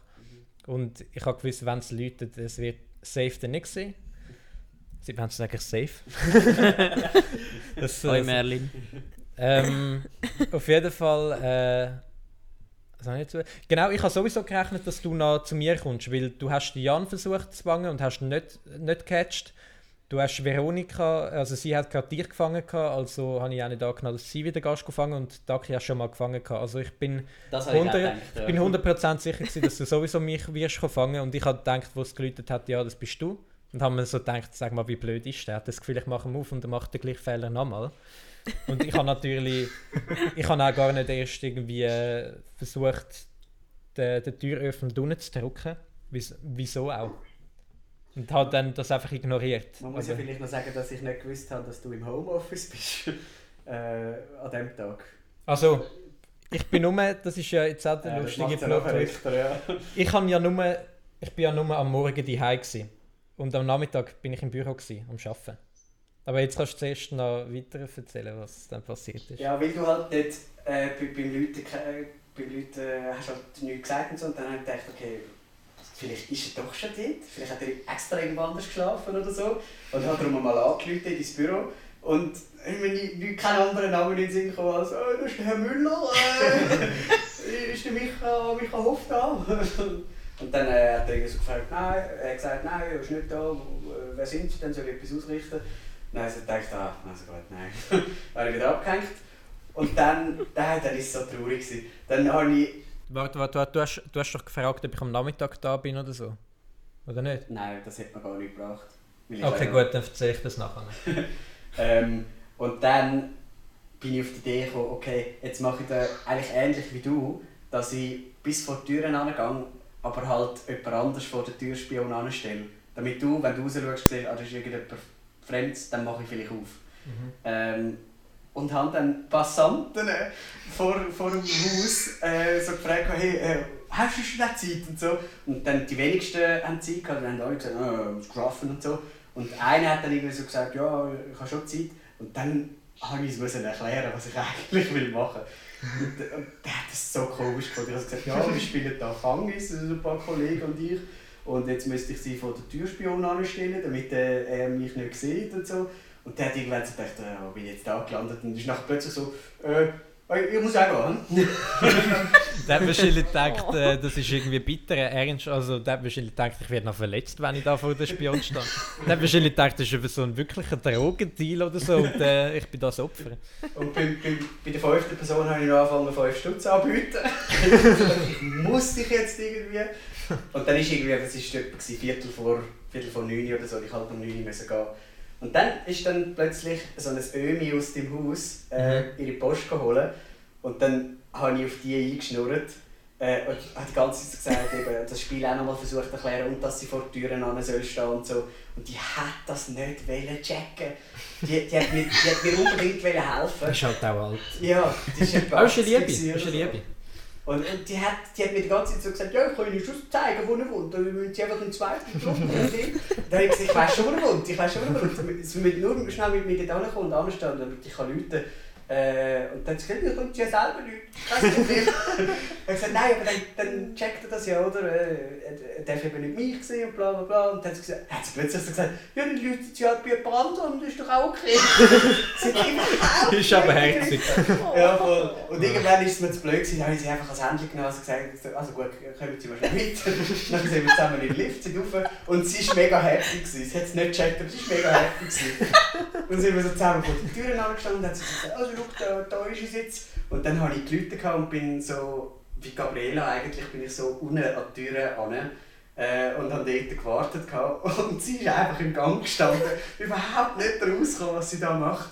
Äh, und dann hat sie so gewartet und rumgeschaut und so. Und dann hast du halt wieder nichts aufgemacht, nicht? Ich kann, also, ich kann ja wieder zu, zu äh, meiner Perspektive kommen. Es hat dann wieder geläutet und ich habe gedacht, ja, jetzt nächstes Mal weiter. Und dann wieder, also zuerst habe ich auch durchs Guckloch geschaut und es war ja niemand dort. Gewesen. Und das Mal ist die alte Frau dort gestanden. Und ich habe dich, ich habe dann aber so drüber geschaut, weil ich gewusst habe, Gabriela ist unten gese äh, gesessen sozusagen und ich habe sie nicht beachtet sozusagen, weil ich nur auf dich geschaut habe.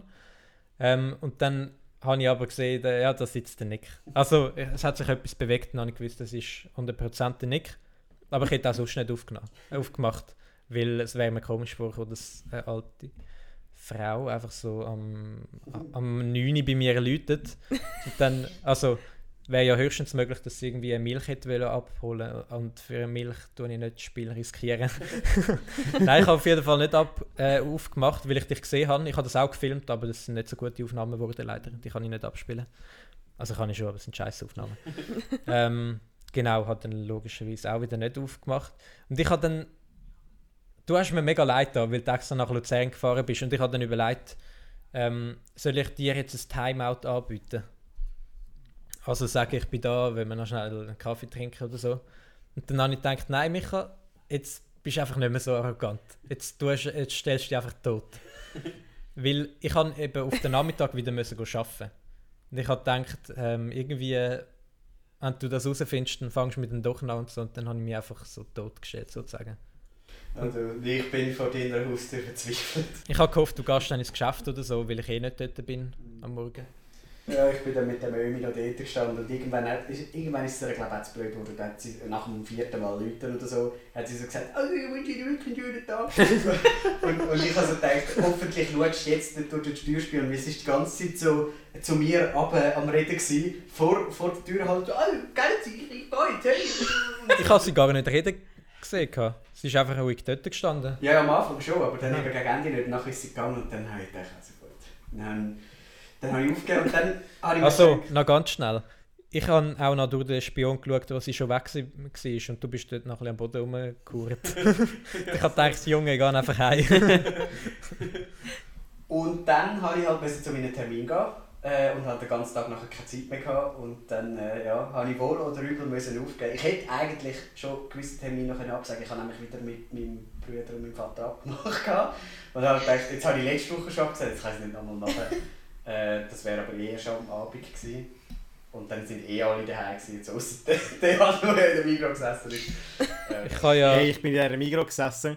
Ich habe sowohl am Donnerstagabend als am Freitag, ich habe die ganze Zeit geschaut, ob irgendjemand kommt. Also Paranoia besprechen wir nachher noch. Ich hätte noch schnell etwas zu dem. Ähm, ist gut, wenn ich dich schnell unterbreche? Ja, sicher. Also, Unbedingt. auf jeden Fall. Ähm, ich bin ja nachher noch ins Geschäft gegangen, dort hatte ich auch Paranoia und so. Und dann komme ich ins Geschäft, also am Nachmittag habe ich eben dann halt geschafft. Und dann bin ich ins Geschäft gekommen und dann sagt der Mitarbeiter, mit dem du telefoniert hast, Ah, Micha, es hat dann übrigens noch einen Herr Müller für dich angerufen. Nachher sage ich so, hat der Herr Müller ein bisschen jugendlich getönt? Nachher hat er so gesagt, ja, ich glaube schon. Also er war recht kurz angebunden und hat nur mit dir reden Und ich habe gefragt, ob ich weiterhelfen kann, aber er hat, er gerade mega, also, mega kurz angebunden gewesen. Nachher habe ich, habe ich so gesagt, ja, ja, äh, ist, was, also, was hast du mir denn gesagt? Nachher hat er gesagt, ich habe ihm gesagt, du schaffst den ganzen Tag nicht. Weil er hat den Terminkalender nicht richtig angeschaut und hat dann gedacht, ich schaffe wirklich den ganzen, also ich bin wirklich den ganzen Tag nicht im Büro und hat gar nicht gecheckt, dass ich am Nachmittag da wäre. Dann habe ich gedacht, oh, du bist mein, Le äh, mein Lebensretter. Und dann hat er gesagt, ja, ja, kannst du, kannst du dann sagen, ich bin mit dir im Team gewesen. Und hat das extra gesagt. Aber auf jeden Fall ähm, habe ich Glück gehabt, dass du dann nicht am Nachmittag vorbeikommen wärst, weil... So, wieder zurück äh, ins Studio. Jetzt kommen wir zum Paranoia-Teil.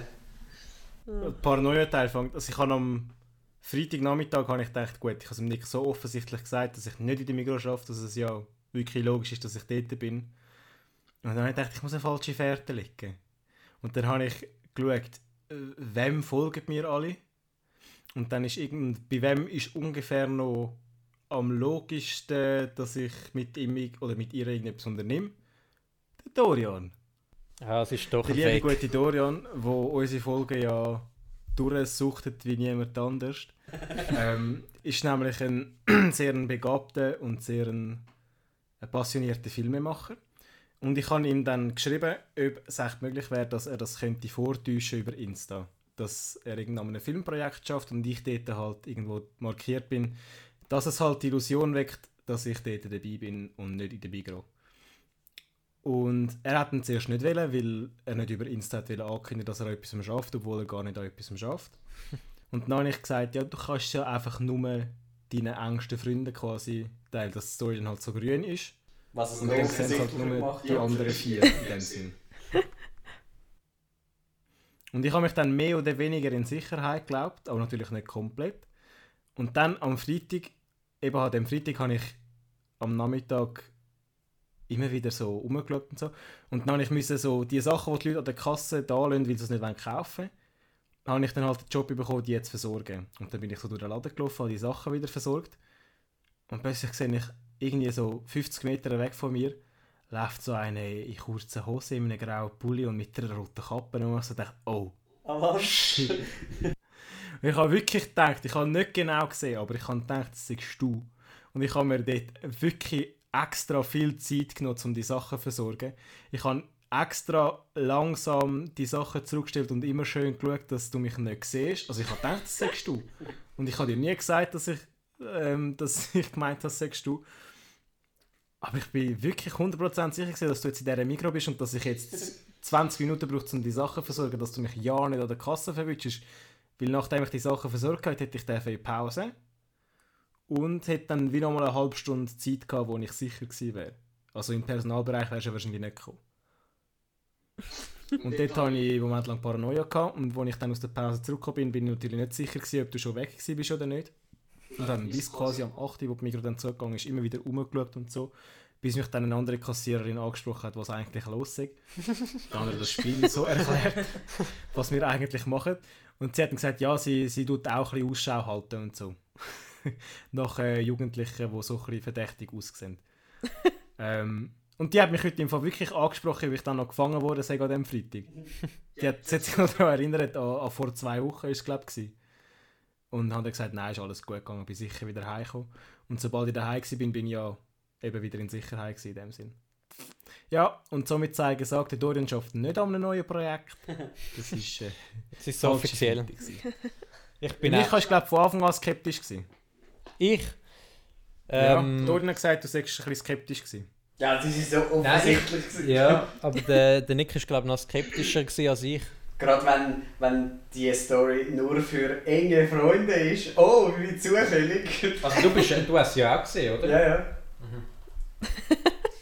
Ja, du versuchst es wert Also oder? es wäre ja glaubhafter rübergekommen, wenn du sie sichtbar gemacht hättest für die Veronika Taki und mich und für den Nick nicht, weil du hättest auch können davon ausgehen dass wir vielleicht das kommunizieren. Wäre aber eigentlich ein bisschen weit hergekommen gewesen. Ja, wäre ein bisschen weit hergekommen. Obwohl du hast es sogar noch geschickt. Oder? Eben, ich habe sie ja noch einen Ja gut, ich bin ja wieder von... Also es wäre ja eh blöd gewesen. Ich bin ja, der Plan war, dass der Dorian das von sich aus postet, ohne dass ich quasi etwas davon wüsste. Wäre eigentlich die Grundidee, weil ich würde ja nicht sagen, hey, wenn ich sehe, dass er etwas postet, würde ich ja sagen, hey, mach's nicht, weil die anderen sehen es ja dann. Wenn ich wirklich bei ihm gewesen wäre. Mhm. Und dann kann ich ja natürlich nicht steuern, wer seine engen Kollegen sind. Und Mhm. ich nehme jetzt an, ihr vier wären sicher nicht drunter, aber vielleicht tue ich da etwas Falsches vermuten. Ich will da nicht den Teufel an die Wand machen. Aber ich bin auch so oft paranoid gewesen. Ich bin ähm, am letzten Freitag bin ich dann am Abend nach, nach Wetzikon gefahren und hatte dann noch einen Physiothermin gehabt und habe dann am Physiotherapeut auch von dem Spiel erzählt und er hat den Film auch gekannt, es mega cool gefunden und so. Dann haben wir noch die Türen abgeschlossen, falls du dort noch irgendwie vorbeikommst. Oder ich habe dann meine Eltern, bevor ich nach, also ins Haus hineingegangen bin, angerufen und, und äh, gefragt, ob du dort bist. Nachher bin ich angekommen, ins Haus hinein. Mein Bruder macht so, also hebt so den Finger auf die Lippe, so ein Zeichen zum ruhig sein. Und zeigt so gegen Uhr zu meinem alten Zimmer. Und dann habe ich gedacht, oh shit, ist der Nick dort oben? Der hat mich einfach richtig verarscht. Also, dann mega, bin auch recht paranoid gegen den Schluss. Also ich bin sowieso immer paranoid gewesen. Ich habe teilweise, wenn ich irgendeinen Brief habe, auf die Post bringen, gedacht, oh, jetzt rennst du aus dem Gebüsch führen oder du kommst jetzt gerade ins Geschäft rein. Ich bin teilweise so unruhig gesessen. Hey. Hey, die letzten paar Tage, als ich mich aus dem Zug ausgestiegen bin in Zürich, als ich an PH gegangen bin, weil es ist ja so logisch, dass ich irgendwann auf Zürich muss am Morgen zum PH gehen, immer dreimal auf jede Seite geschaut, ist jemand rum, ist irgendwie jemand in diesem Zug. Hey, so, am, am Schluss ist es wirklich noch schlimm geworden. Am Anfang habe ich so gedacht, okay, ja, geht ja eigentlich noch so am Anfang. Aber so am Schluss ist es wirklich noch mal schlimm geworden. Sogar beim Autofahren habe ich teilweise geschaut, verfolgt mich jemand? Weil das hätte ich mega cool gefunden. So eine Autoverfolgung gesagt, wäre eben schon noch geil. Aber ich habe euch alles zugetraut. Gesunder Menschenverstand. Ja gut, einfach hinten reinfahren ist ja nicht, äh, ist ein gesunder Menschenverstand. Ähm, aber was da noch dazu an, äh, zu schliessen gibt, ich bin ja nicht Veronika, komisch, Das, das ist sondern der der, der, Mitbewohner. der, der magische Mitbewohner. Und äh, ja, wie soll ich das sagen? Äh, Eines Tages hat er mir mal angerufen, das beziehungsweise nein, ich habe glaube ich angerufen und gefragt, ob er auch noch Hunger hätte. Ich würde gerade Pizza bestellen.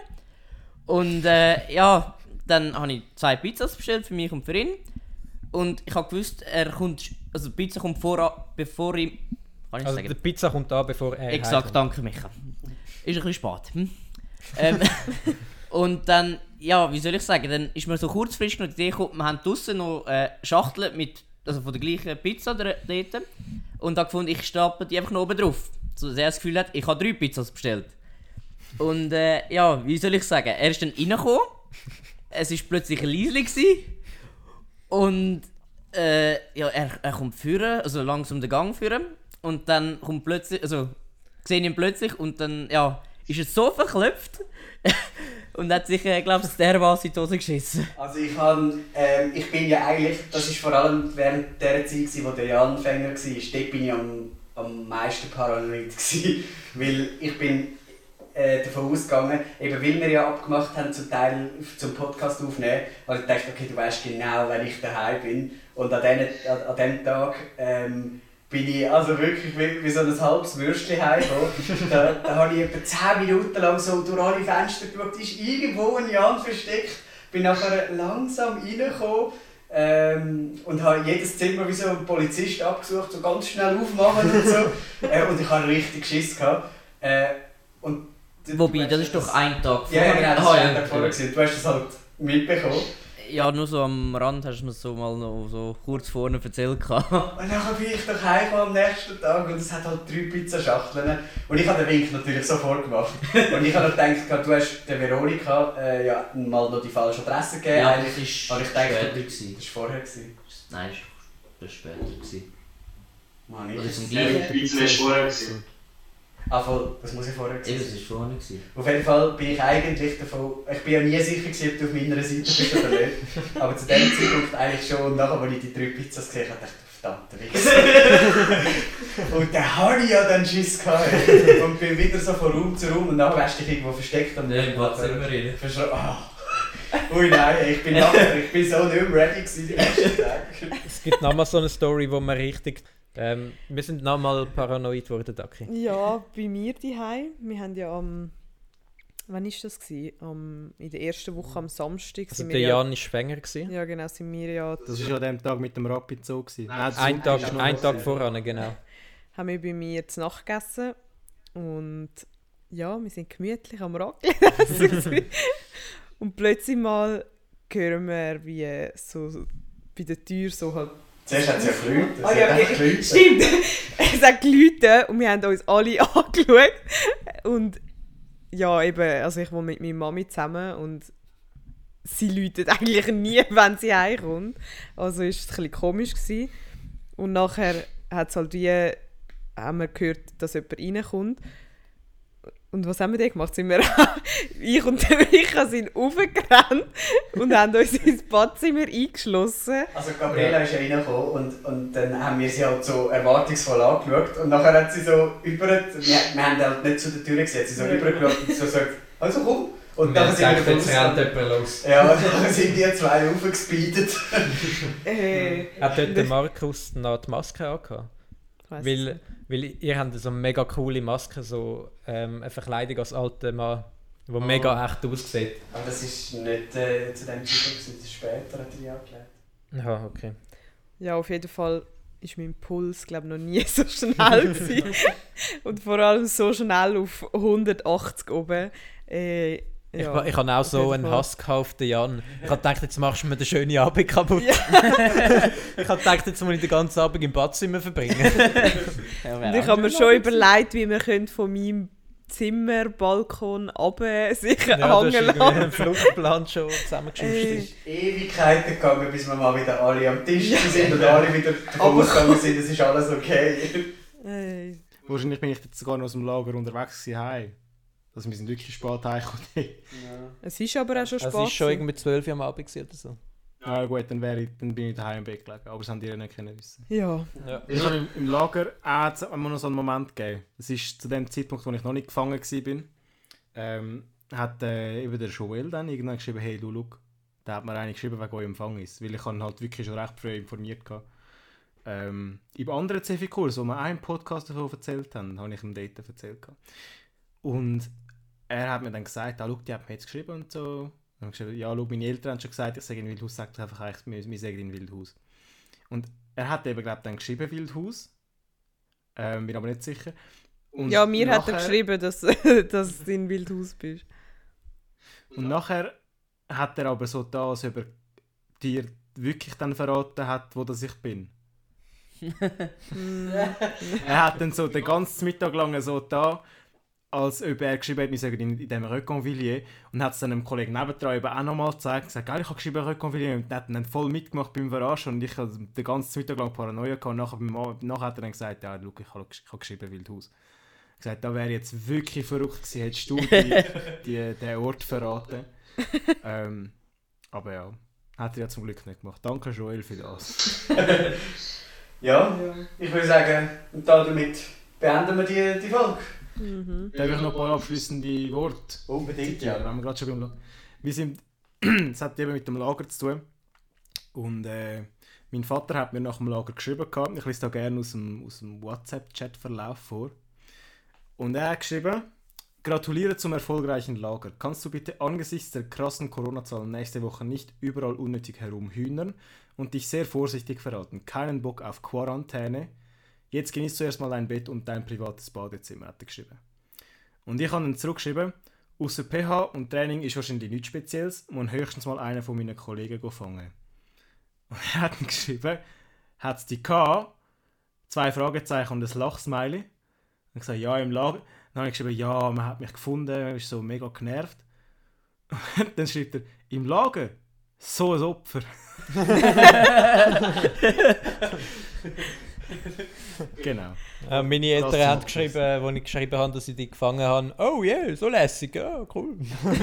Als ich meinem Vater zur Rede gestellt habe, wieso er dir einfach die Adresse gegeben hat vom Hotel, hat er gesagt, hä, wieso nicht? Ich habe gesagt, wir sind jetzt mitten im Spiel, das habe ich hundertmal gesagt. Dann, Aha, aber ich war einfach Verfänger, gewesen, ich hätte nicht gewusst. Und meine Schwester hat gesagt, ja, es ist ja nicht lustig, wenn wir dann nicht, einfach nichts verraten. so, ja, super.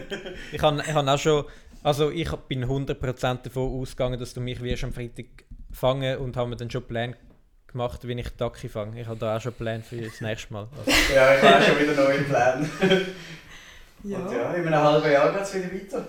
genau. Aber wenn wir die Folge jetzt abschließen. Ich hätte eigentlich noch etwas gehabt, aber ich habe es vergessen, aber dann kann es nicht so wichtig sein, ich glaube. Ähm, wenn wir noch etwas abschließen, wenn ihr noch etwas abschließend sagen? Nein, ist gut. Wir haben äh, äh, Mitbewohner. Nein, ist Ja. gut. Du auch, bei dir ist gut. Gut, dann ähm, hören wir uns äh, in drei Wochen wieder. Wir machen jetzt eine dreiwöchige Pause und nachher kommen wir zurück mit der zweiten Staffel von unserem Limoncello Podcast. Und haben auch da schon ganz viele Überraschungen geplant und äh, da könnt ihr euch wirklich darauf freuen. Ganz viele neue Ideen, ganz viele neue coole Sachen. Genau. Vielleicht ein Kasperli, man weiß es nicht. Gibt eine Fortsetzung. Oh, das ich jetzt nicht laut gesagt, oder? Nein, nein, bist dumm geschaltet gewesen. Na gut.